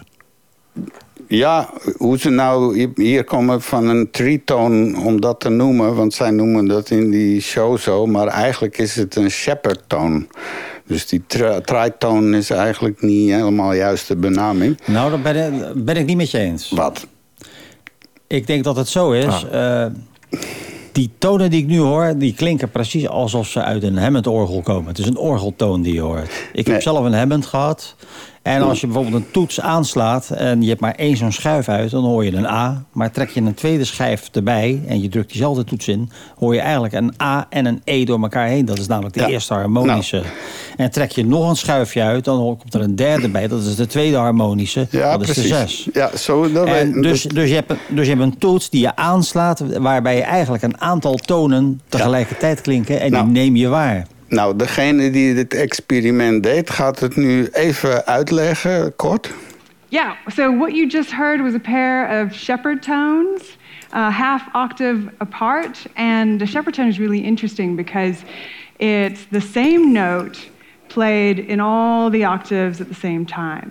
So imagine you're at a keyboard and you're hitting all of the C's. Snap je? Dus dit is wat ze hebben gedaan. Dus het is alsof je inderdaad met uh, acht mensen aan een piano en iedereen drukt tegelijkertijd. En dan de tweede is een E. En nu wat interessant is, toen ze dat in de zaal lieten horen, dan ging ongeveer 60% zei van het is uh, tan, tan, hè? Maar 40% hoorde dat andersom. En dat komt gewoon omdat hun oren op een iets andere frequentie wat gevoeliger zijn. En die dan die uh, harmonische. Je zat er dichtbij met het orgel, maar in dit geval zijn het dus uh, geen. Uh, het, waren, het zijn, ja. waren pure octaven. En vandaar, maar dat, dat is ja. de essentie. Ja. Maar ja, het grappige is dat van, ja, hoe, je denkt dat iedereen hetzelfde hoort, maar dat is niet. Dat is net zoals met kleurenblindheid. En mensen zien soms, de ene ziet oranje en de andere denkt, nee, maar dat is roze. En de andere zegt weer, nee, maar dat is mauve of weet ik veel. Ja, dus, meneer Istvan, maar, maar ik wil terug op mijn vraag komen. Ja. Is die tritone of die shippertoon dan, uh, is, is hetzelfde als een sirene van een ziekenwagen? Want dat is ook tuutuut, hè, toch? Nee? Of heb ik het mis? Ja, maar dat is een één enkele frequentie. Hè? De, want wat je hier hoorde is dus eh, tegelijkertijd... Eén toon. Maar, maar op alle octaaf, dus zowel de la, dus over de hele octaaf heen of de hele keyboard heen. Alsof je alle C's of alle E's tegelijk speelt. Dus eh, dat, is, dat denk ik niet dat een sirene... dat is gewoon een simpele oscillator met een één enkele toon. En, en ik denk zelf dat, het slechts, dat ze dat met drie octaven hebben gedaan. Vandaar de naam tritone. Maar dat heeft dus niet te maken met het interval. Dus het verschil tussen beide tonen, maar in die ene toets. Dus ik denk dat die tritone, dat, dat zijn gewoon uh, drie octaven. Dus C, 1 gestreept en C2 gestreept. Ja, en dan het experiment was dus van hier, ja, eens kijken wie wat hoort. Dus uh, dat was de uitleg die erbij kwam. Nu, nu gaan we iets uh, verder. Uh, namelijk uh, hebben ze experimenten gedaan met uh, hersenscanners. En nu moet je je niet meer voorstellen die grote apparaten waar je in een ziekenhuis komt. Maar dit zijn gewoon desktop. het is gewoon een kastje en een laptop eraan. En iemand krijgt zo'n zo'n ding over zijn hoofd met een aantal pick-ups, elementjes. je kent dat wel, wordt dan zo met Zoals wat gel. EEG, zeg maar. Ja, zoiets. En dan uh, worden die dus voor een monitor gezet of whatever. En dan wordt daar van alles in real time, wat zich in je hersenen uh, speelt in real time, uh, bekeken. En dus wat ze hebben gedaan, ik zal, ik zal het de mensen even zelf laten vertellen. En dit gaat dan over een onderzoekster aan het Dartmoor University. En dit was dan een project met David Byrne, die met de Theater of the Mind bezig was. it's not the case that we see we all see the world differently. I think things just couldn't get off the ground if we were all completely different. We kind of cluster together. Some of us see the world more similarly than, than others. Ja, dus dat is de kern van het onderzoek, is dat wat blijkt dat sommige mensen van ons een ja, min of meer gelijke blik hebben op bepaalde dingen, terwijl andere mensen, ja, je kijkt allebei naar hetzelfde, maar de een die ziet iets totaal anders dan hetzelfde. En dus hebben ze een onderzoek opgestart over uh, hoe vriendschap uh, werkt. Nou, wat hebben ze gedaan? Ze hebben dus een aantal honderden van die studenten in een scanner gestoken. En laten we maar eens luisteren. That friends' brains are remarkably similar. Ja, dus even kort uitleggen. Ze hebben dan dus uh, honderden mensen, uh, en dat waren vrienden, goede vrienden van elkaar. Maar dan hebben ze ook vrienden van vrienden gevonden en vrienden van vrienden van vrienden. Dus tot in drie lagen. Die hebben ze in de scanner gestoken. En wat kwam daaruit? That friends' brains are remarkably similar. They process the world in remarkably similar ways. We took, we, we took people who were friends, and we took people who were friends of friends. So this, these are people that are not directly friends, but they have a friend in common. And we took people who are three degrees separated, friends of friends of friends. And we scanned their brains while they watched comedy clips, music videos, um, politics, uh, uh, science, nature, all sorts of things. And we found that friends' brains were in sync. They weren't watching them together, they were in the scanner independently, and they'd never seen them before together, but they were processing those video clips in the same way. And people who are friends of friends were a little less similar, and people who are friends of friends of friends were even more dissimilar. Mm, ja, En dit is wel heel erg significant. Hè? Dus nou is het heel boeiend om te zien. Hè? Dus wat ze hier zeggen, dat, eh, je hebt, en dat gaat om echt hele goede vrienden. Dat is iemand met wie je op vakantie kan. Hè? Uh, iemand met wie je een zeilboot op zou kunnen. Echt je beste vriend. Nou, blijkt dat hij dus qua hersenactiviteit min of meer hetzelfde reageren op, op een gemixte ja, beelden. Hè. Je hoorde wat ze zei, wat comedy, politiek enzovoort. Hè. En hoe reageert je hersen? Dat gaat min of meer automatisch, denk ik. Maar uh, nou, dus dat is heel boeiend. en, nou ja, zeker. En nu heb ik dan toevallig gezien van de week was er een bericht, ik denk op eh, VRT, dat nu bijvoorbeeld bedrijven die uh, door een veranderingsproces uh, gaan, moeten gaan, die daarmee bezig zijn, passen dit nu ook toe omdat ze kunnen zien aan reacties van werknemers of dat die capabel zijn om met verandering om te gaan. Dus, dus ik kan me de angst al voorstellen van zo'n werknemer. Die, gaat, die krijgt zo'n ding op zijn hoofd. En uh, daar zitten daar zo mensen in witte jassen naar een laptop te kijken. En je krijgt die beelden. En oh my god, oh my god. Als, als, als ik hier niet faal, dan lig ik eruit en zo. Dat is afschuwelijk, toch? Of, ja, het heeft wel consequenties als dat uh, echt werkelijk zo gebruikt zou gaan worden. Ik denk niet dat veel ja. mensen echt gewoon... Uh, maar ja, het, het, is best wel griezelig, want je kan het ook misbruiken natuurlijk. Ja, uh, en let maar op, want Facebook is er ook mee bezig. Maar nu hadden ze dus aangetoond dat ze inderdaad konden zeggen... Wat, nu hebben ze het, het experiment nog één trap verder genomen Namelijk, wat als we dus bij de poort gaan staan van het nieuwe schooljaar... en die kinderen, de nieuwe lichting, kinderen, de studenten komen van de bus, letterlijk. En ze hebben ze dus van de bus op staan wachten. En ze dan ook meteen in de scanner gestoken. En laten we eens luisteren. People who had just come off the bus to Dartmouth, college students, before they uh, met each other... and we put them in a brain scanner and we scanned their brains. And then we waited until the social network got stable and they had found each other. And lo and behold, we could take their brain activity when they were strangers and we could predict who's going to become friends, who's going to become friends of friends, okay. and who's going to become friends of friends of friends. Yeah, it's pretty cool. Thanks.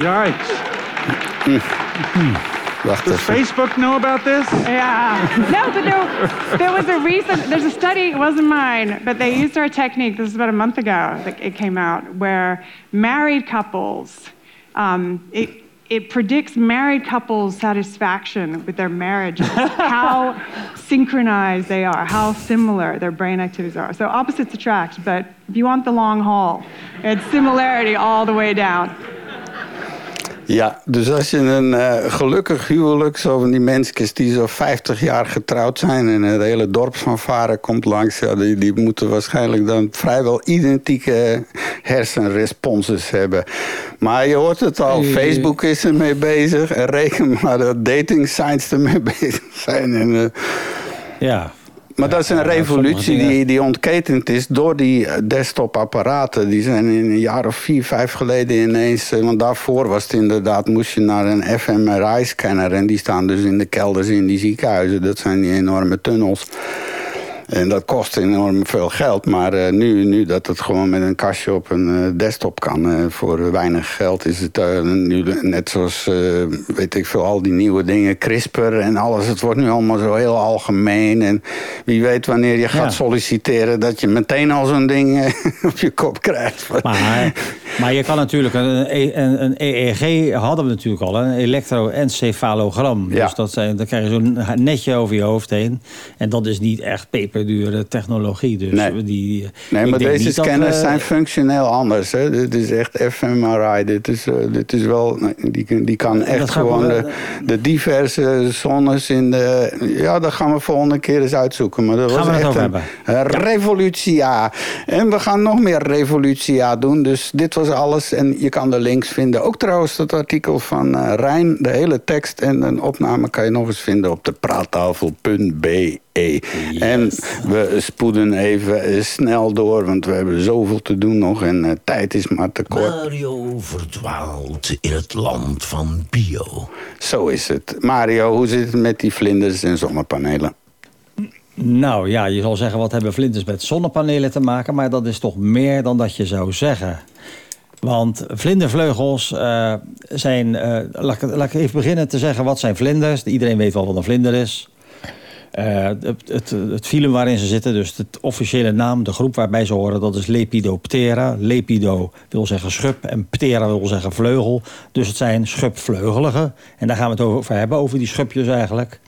En dan met name over een hele mooie. De Pagliopta aristologiae. Ik heb er zelf één. Die staat ook in mijn vitrinekast. Dat is ook een van mijn mooiste vlinders, moet ik zeggen. Die ik uit het bos heb weten te snijden ergens in, uh, in Zuidoost-Azië. Uh, en uh, eigenlijk, wat vlinders, die zijn natuurlijk koudbloedig.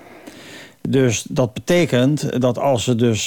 Ze hebben dus voor hun energie hebben ze dus warmte nodig van de zon. Vandaar dat je ze ook in de, in de, vroeg in de ochtend vaak op bladeren ziet zitten... met hun vleugels gespreid om maar zo snel mogelijk warm te worden. Want dan des, te eerder zijn ze op, op werktemperatuur... en kunnen ze inderdaad ontsnappen en vliegen en doen wat vlinders doen. Mm. Uh, maar dat is uh, dat vangen, opvangen van dat, uh, van dat warme lucht, opvangen van die warmte, daar zijn sommige vlinders beter in dan andere vlinders.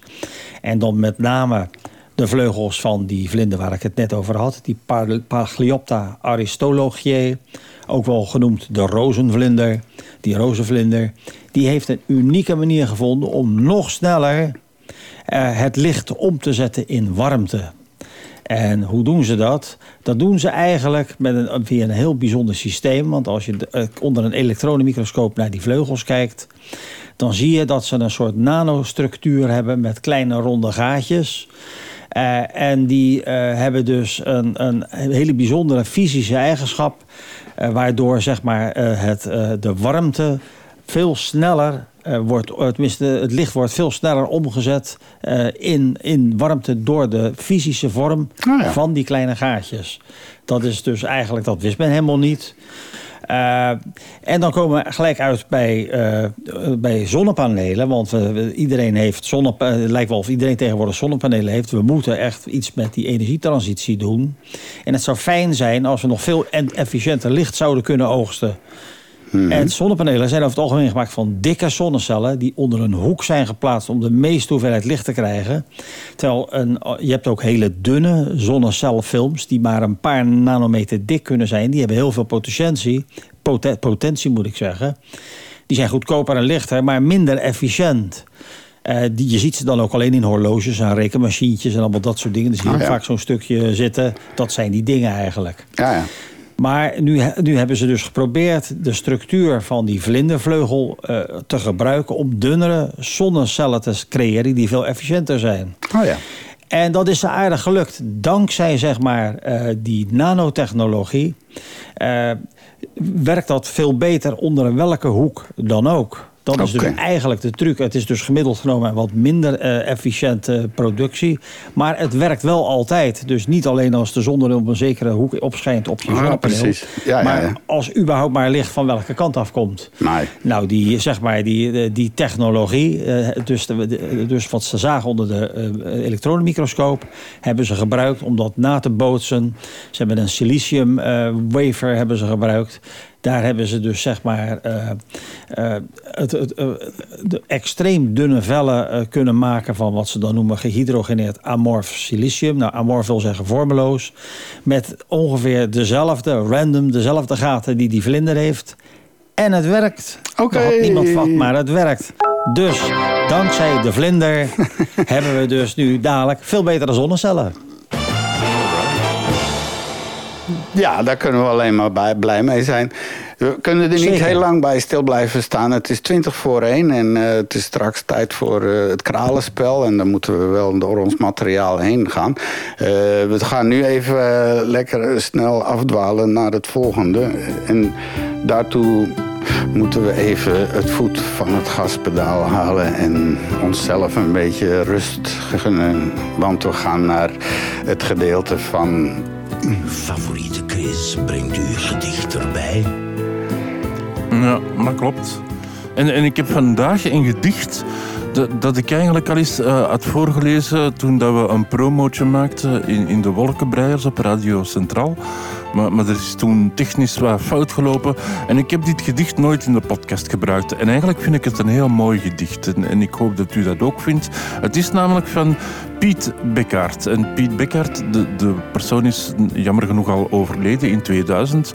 Ehm, maar hij was eigenlijk iemand die poëzie schreef en korte verhalen, uh, maar ook een plastisch kunstenaar was en een fotograaf. Dus dat was redelijk veel. Hij, hij, heeft in Gent gestudeerd op de Koninklijke Academie, maar bijvoorbeeld ook in de Pratt Institute in New York, waar hij Master of Science behaalde in interior design. Maar dat terzijde uh, heb ik een gedicht van hem. Het komt uit het boek uh, Een kathedraal als troostprijs. En het noemt... Um, eigenlijk de, waarom ik een dichter ben. En, en dan moet ik nu mijn, mijn brilletje opzetten. Ja, en beste mensen, de, ongelooflijke technologie van wat wij gebruiken... maakt het mogelijk dat Mario dit live gaat begeleiden. Dus live muziek vanuit Rotterdam, live gedicht vanuit Antwerpen. Ja, zo is het maar. Waarom ik een dichter ben? Vroeg een meisje mij, vroeg in de morgen omdat ik dichter bij het leven sta, zei ik. Dat ik vertaal met woorden die geuren als meisjesnamen. Toen sprong het meisje op een regenboog en vroeg waarom een dichter alleen met woorden dicht. Omdat een dichter, zo zei ik, alleen met woorden zijn boog gespannen houdt. Daarna zwom het meisje in het watermerk van mijn papier als een goudvisje in de ademhalende zee van mijn bestaan. Dan dacht ik als dichter hoe mooi zo'n meisje is in mijn met mijklokjes en mijkevertjes en mijklinkers die zij aan mij gegeven zou. Wauw. Toen verborg het meisje zich in de inkt van mijn verzen en vloog als een vlinder weg uit het laatste woord van dit gedicht. Voilà. Dat was het. Piet Bekkert. ik was net op Misschien moet jij ook maar een goede... een langere gedicht, van. ja, ik, ik, ik, had even op de kuchknop moeten drukken. De kuch. Ja. Maar ja, soms moet je heel dringend. En ik ben gepensioneerd en dan ineens, als dat komt, moet je ineens heel, heel, heel dringend. Ja. Is dat een leeftijdsding? Staat je leef je nog? Ja, dat klopt, ja. Piet Bekhaart, mensen linken alles ernaartoe. Uh, gaan we in de site. En dan tot slot ons, uh, waar we ons de hele tijd al zitten op te vangen. het gevecht. Ja, wacht, ik ga de popcorn al halen even. Uh, is het van? Ja. Ja, dat wordt... Uh, nee, nee. Uh, vorige week hebben we namelijk een uh, berichtje... Mario had een berichtje gevonden... wat hij eigenlijk dacht wat een, een, een grap was... over, over boerende zwarte gaten. En ja, dat bleek dus geen grap, want je kan uh, boeren de zwarte gaten intypen. En dat moet je vooral eens doen als je in Google op afbeeldingen zoekt. Een burping black hole. Dan, dat zijn allemaal schilderijen. Maar dat is een bepaald fenomeen. En het enige waarom dat artikel erin stond, dat ja, wat er soms gebeurt volgens dat artikel, hè, want daar gaan we het nu over hebben, dat als dan een ster in het proces is van opgeslokt te worden door een zwart gat, dan ontstaat er zo'n spaghettificatie, bla bla. Dan ontstaat er inderdaad wat ze noemen een accretieschijf, die zit dan om dat zwarte gat heen. En dan wil het wel eens gebeuren dat tijdens dat opslokken, dat daar toch nog weer stukken uitvliegen of zo. En dat noemden ze dan een burping black hole. Maar deze keer was het een beetje raar, omdat het gebeurde eigenlijk een aantal jaar nadat zo'n. Nou, en daar is de discussie gebleven, omdat uh, ja, er is ook natuurlijk een ander gegeven dat uit een zwart gat, maar uit het zwart gat zelf. Maar daar gaat die burping niet over. Die, die zijn nog niet in het zwarte gat. Maar goed, dus let the fight begin. Ja. nee. Nou, inderdaad, er werd gesteld van... Uh, materie en licht, straling uit het zwarte gat. Maar ik ben van mening dat dat niet kan. Als je ook kijkt bij Wikipedia, wat het eerste wat je ziet staan is... Een zwart gat nee, maar is een, uh, dat is ook letterlijk maar, zo, maar we hebben het over de accretieschijf. Want dat spul wat eruit nee, vliegt, maar, komt uit die accretieschijf. Nee.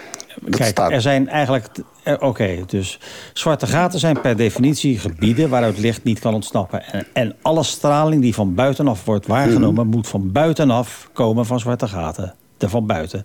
Als je kijkt, je hebt een, een, een, een ik heb een artikel gedeeld. En dat is van Stephen Roycroft en de John D. Swain. Dat zijn professoren in de, in de afdeling natuurkunde van Northeastern University. Die geven de, deze uitleg. Zwarte gaten zijn per definitie gebieden waaruit licht niet kan ontsnappen niets. Dus alle nee, nee, die van buitenaf helemaal komt, met je eens. Ja? Er zijn dus er zijn twee mechanismen waardoor, die, eh, die, uh, waardoor je wel kan zien dat er straling uitkomt. Men zegt men. De eerste is de Hawking-straling. Dat heeft te maken met verstrengelde deeltjes. Ik heb een link gedeeld waar je dat kan lezen. Je hebt deeltjes die verstrengeld, verstrengeld zijn en die kunnen op afstand van elkaar zijn. Dat is kwantummechanica. En die Hawking-straling komt van het feit dat als er een, een, een zo'n verstrengeld deeltje uh, in zo'n zwart gat flikkert, dan, dan, wordt, is, dan wordt de koppeling verbroken en komt dat andere deeltje buiten het gat vrij. En dat wordt omgezet in straling en dat is de Hawking-straling. Dat heeft dus niets met, uh, niets komt dus uit het zwarte gat. Ten tweede, uh, worden objecten heet als ze in een zwart gat vallen. En dat moet je zo zien. De zwaartekracht wordt beschreven als, als uh, gericht op het centrum van het zwarte gat. Het is vrij subtiel. Stel je voor dat je met je voeten naar een zwart gat valt. Je, hoofd, je voeten staan iets dichterbij dan je hoofd. Dus ze worden iets meer uitgetrokken. En dan hebben we het nu over die spaghettificatie. Bovendien vallen je linker en je rechterarm niet langs parallele lijnen... maar als het ware in een punt. Dus je wordt ook als een soort tube van tandpasta tube word je als het ware uitgeknepen. Ja, ja, ja. En het resultaat van dit alles is dat de zwaartekracht uh, niet alleen dingen naar binnen trekt... maar ook uitrekt en comprimeert. De spaghettificatie. Dit knijpen veroorzaakt verzameling, uh, verwarming moet ik zeggen. En die verwarming zorgt voor de emissie van straling, het uitstoten. En dat is dus belangrijk. Dus de, de, wat je ziet is, de, is, de, is, dat is de emissie van straling voordat de materie daadwerkelijk het zwarte gat binnengaat. Yes. En dat is de essentie. Dus het betekent eigenlijk dat licht niet kan ontsnappen uit een zwart gat... maar de materie die in een zwart gat valt... kan behoorlijk heet worden voordat het in het gat valt. En dat is wat je ziet.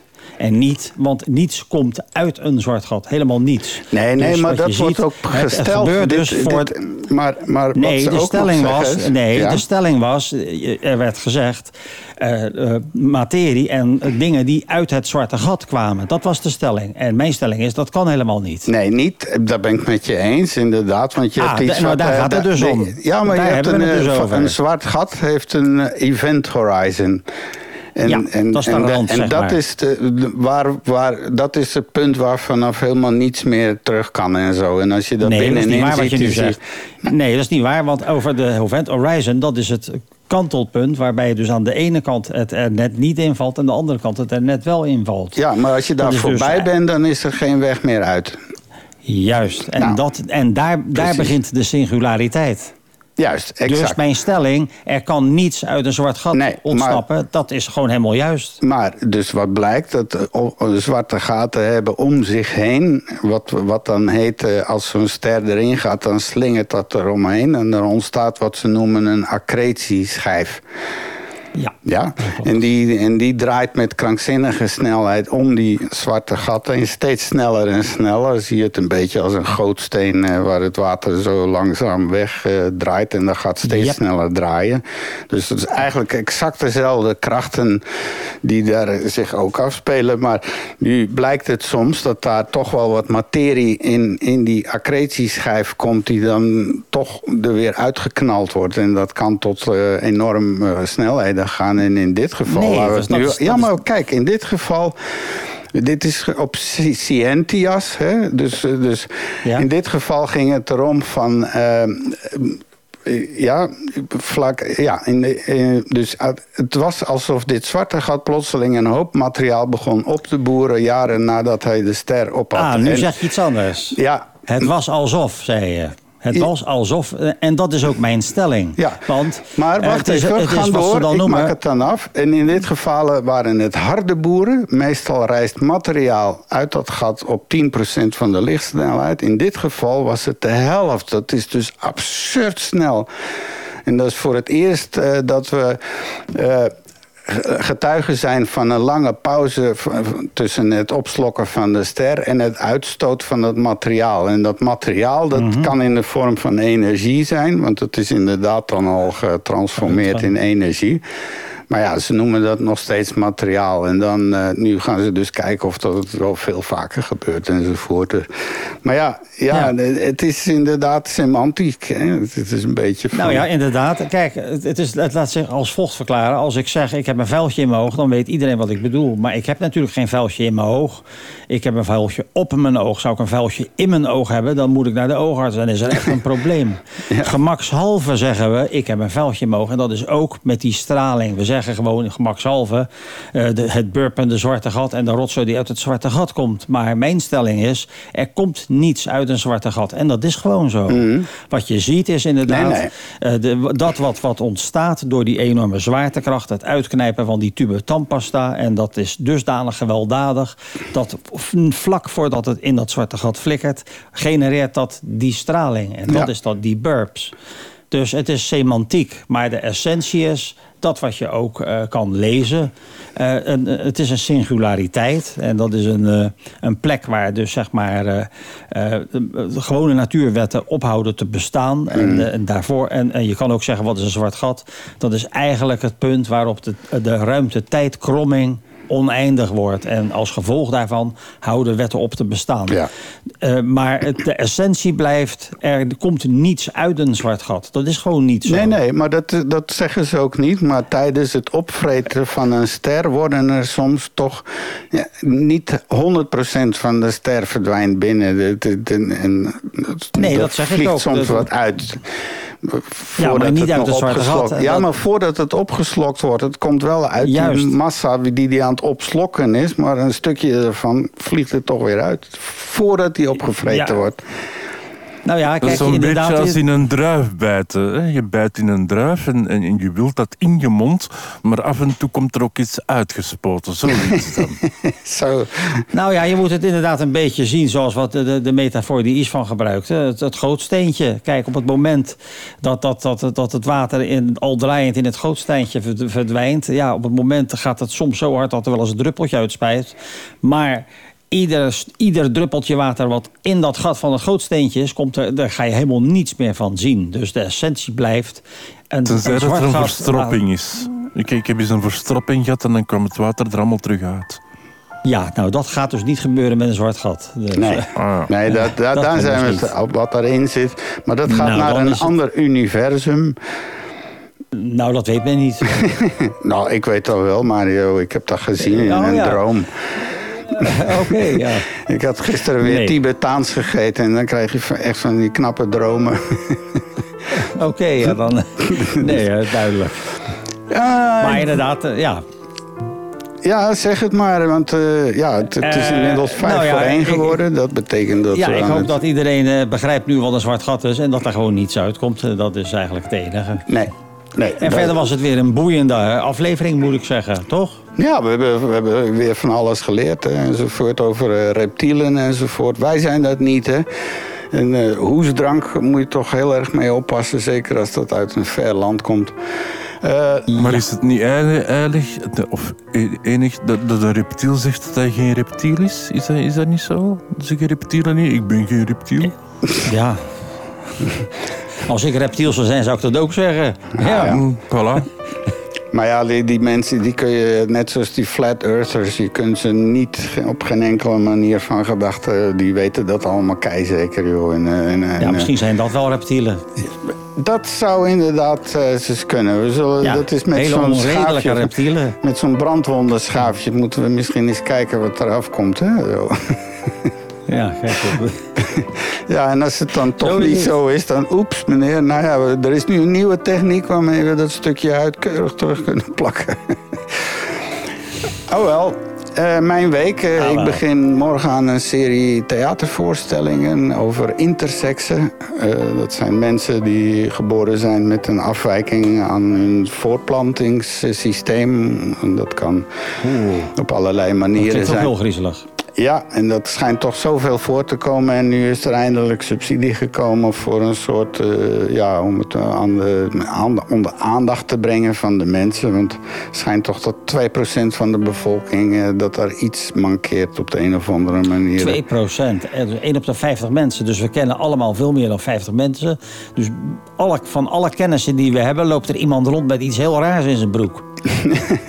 ja, dus, ja, dat is griezelig. Dat is heel griezelig. Het kan uh, vrouwen, er zijn problemen met Mannen. vagina's, er zijn problemen met allerlei... Uh, je wil niet weten hoeveel aandoeningen er zijn. Maar nu zijn we dus aan een bewustmakingscampagne. En dat is een monoloog. Ik vind dat heerlijk om te doen. Want normaal deden we allemaal van die krankzinnig complexe projecten in de single... met octofonie, multiplap, En nu is het gewoon een acteur een uh, paar lampen, een stukje muziek en, uh, geen eens, en geen beamer. Eindelijk is een keer een voorstelling, ik denk voor het eerst in tien jaar dat er geen beamer.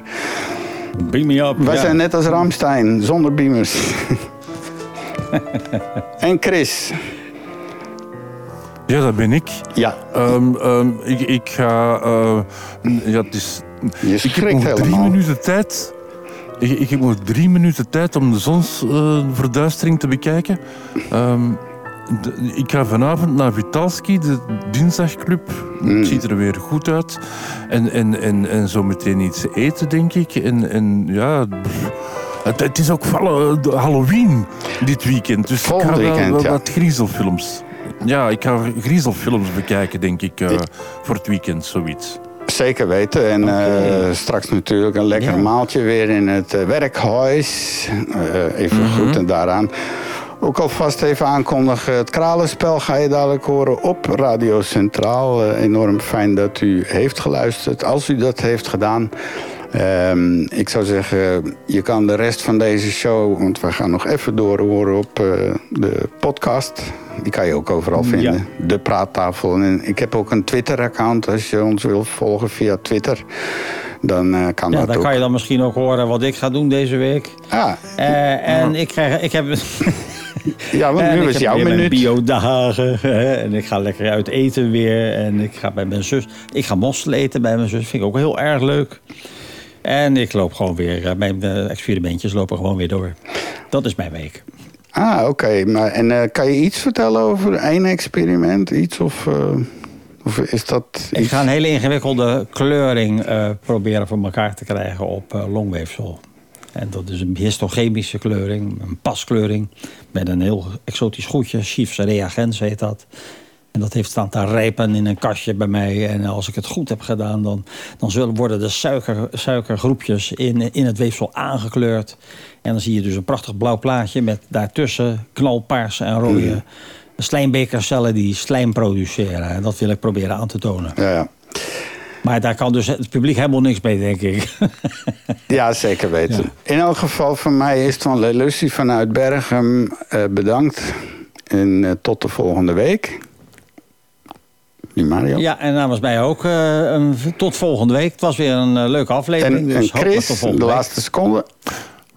Ja, van mij dus ook. Tot volgende week. Ik zal nog, nog energieker proberen te zijn. Voilà, kijk. Kabang. En het is één uur geweest, dus eh, nu zijn we weer. Of in Radioland, misschien nog steeds wel hoor. Welkom mensen. En, Zou zomaar kunnen.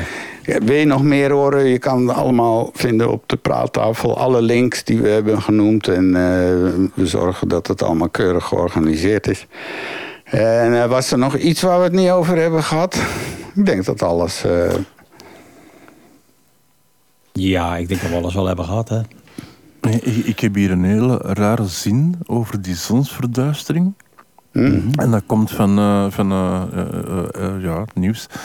En er staat dus de, de gedeeltelijke zonsverduistering in België tussen 11 uur 9 en 13 uur 1, eh, dat is dus nu, waar te nemen op het hoogtepunt van 12 uur 4 hè, zal 22% van de zon bedekt zijn. En dan, het beste zicht is voor de Russen, want in sommige delen van het land zal de zon voor 82% schuilgaan achter de maan.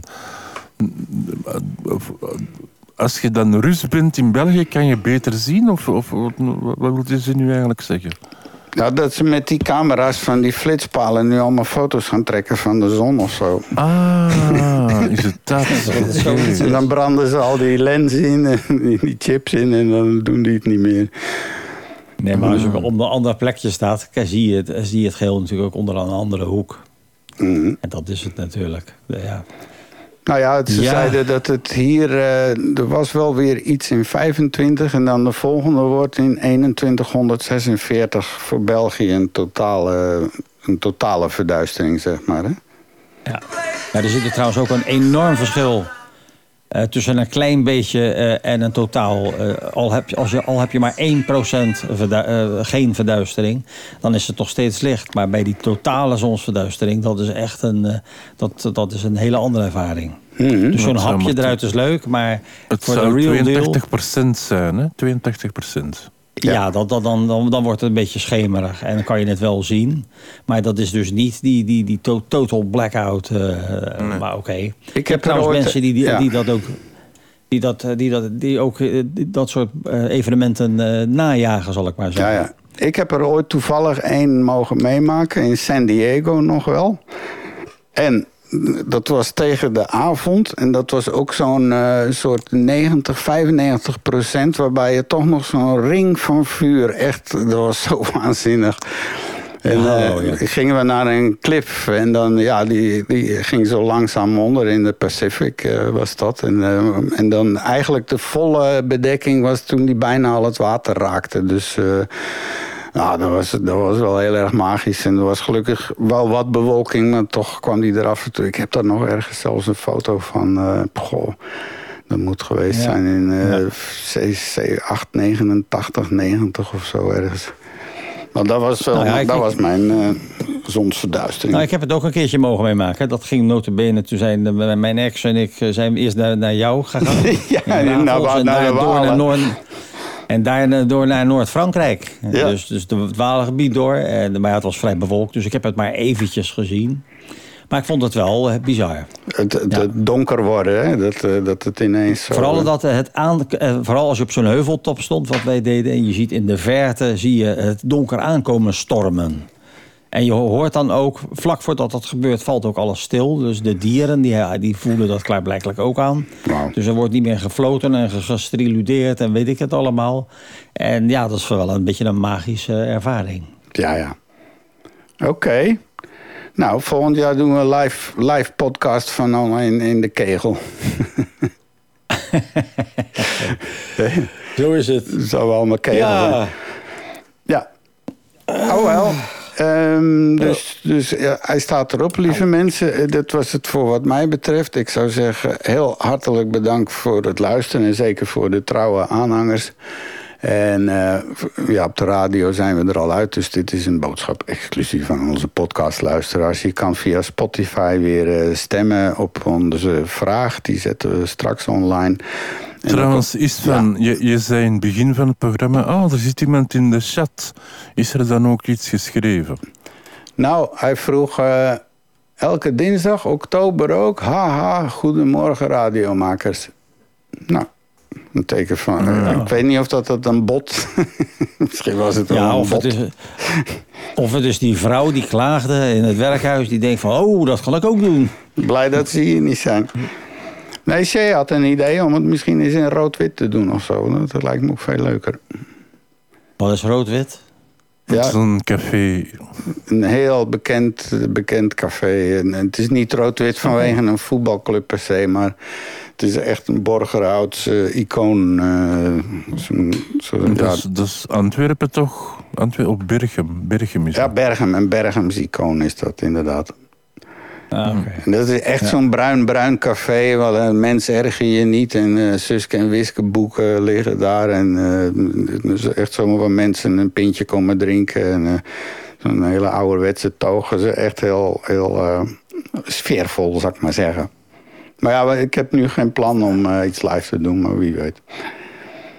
Even kijken hoe het allemaal gaat aanlopen. En eh, als, het, als het aantal luisteraars zou gaan groeien... en eh, het begint echt substantieel te worden... dan is het misschien de moeite waard om dat live te gaan doen. Ja, Want dan ga- hebben we publiek. Ja, ik ga het nu, laten we het nu eens een paar weken goed aankijken. En dan eh, ben toch, en, en ik weet niet, ja, dat is niet voor jou. Maar ja, op Twitter kan je helpen, want ik heb nou ook eh, een praattafel op Twitter. En, eh, want ik zou ook nu, ik heb ook weer een foto eh, op de praattafel. Maar dat, dat, dat vraag ik jou ook, Chris, om misschien dat we iets meer van die maffe dingen eh, gewoon op die eh praattafel-page eh, posten. Wat denk je daarvan? Ik heb nu ook iets, een foto kwam met Lex. gingen we zondag naar het Museum van Schone Kunsten. en eh, wel, ik zal die foto wel als de WhatsApp weer werkt, kan ik dat doorsturen. Dat, ja.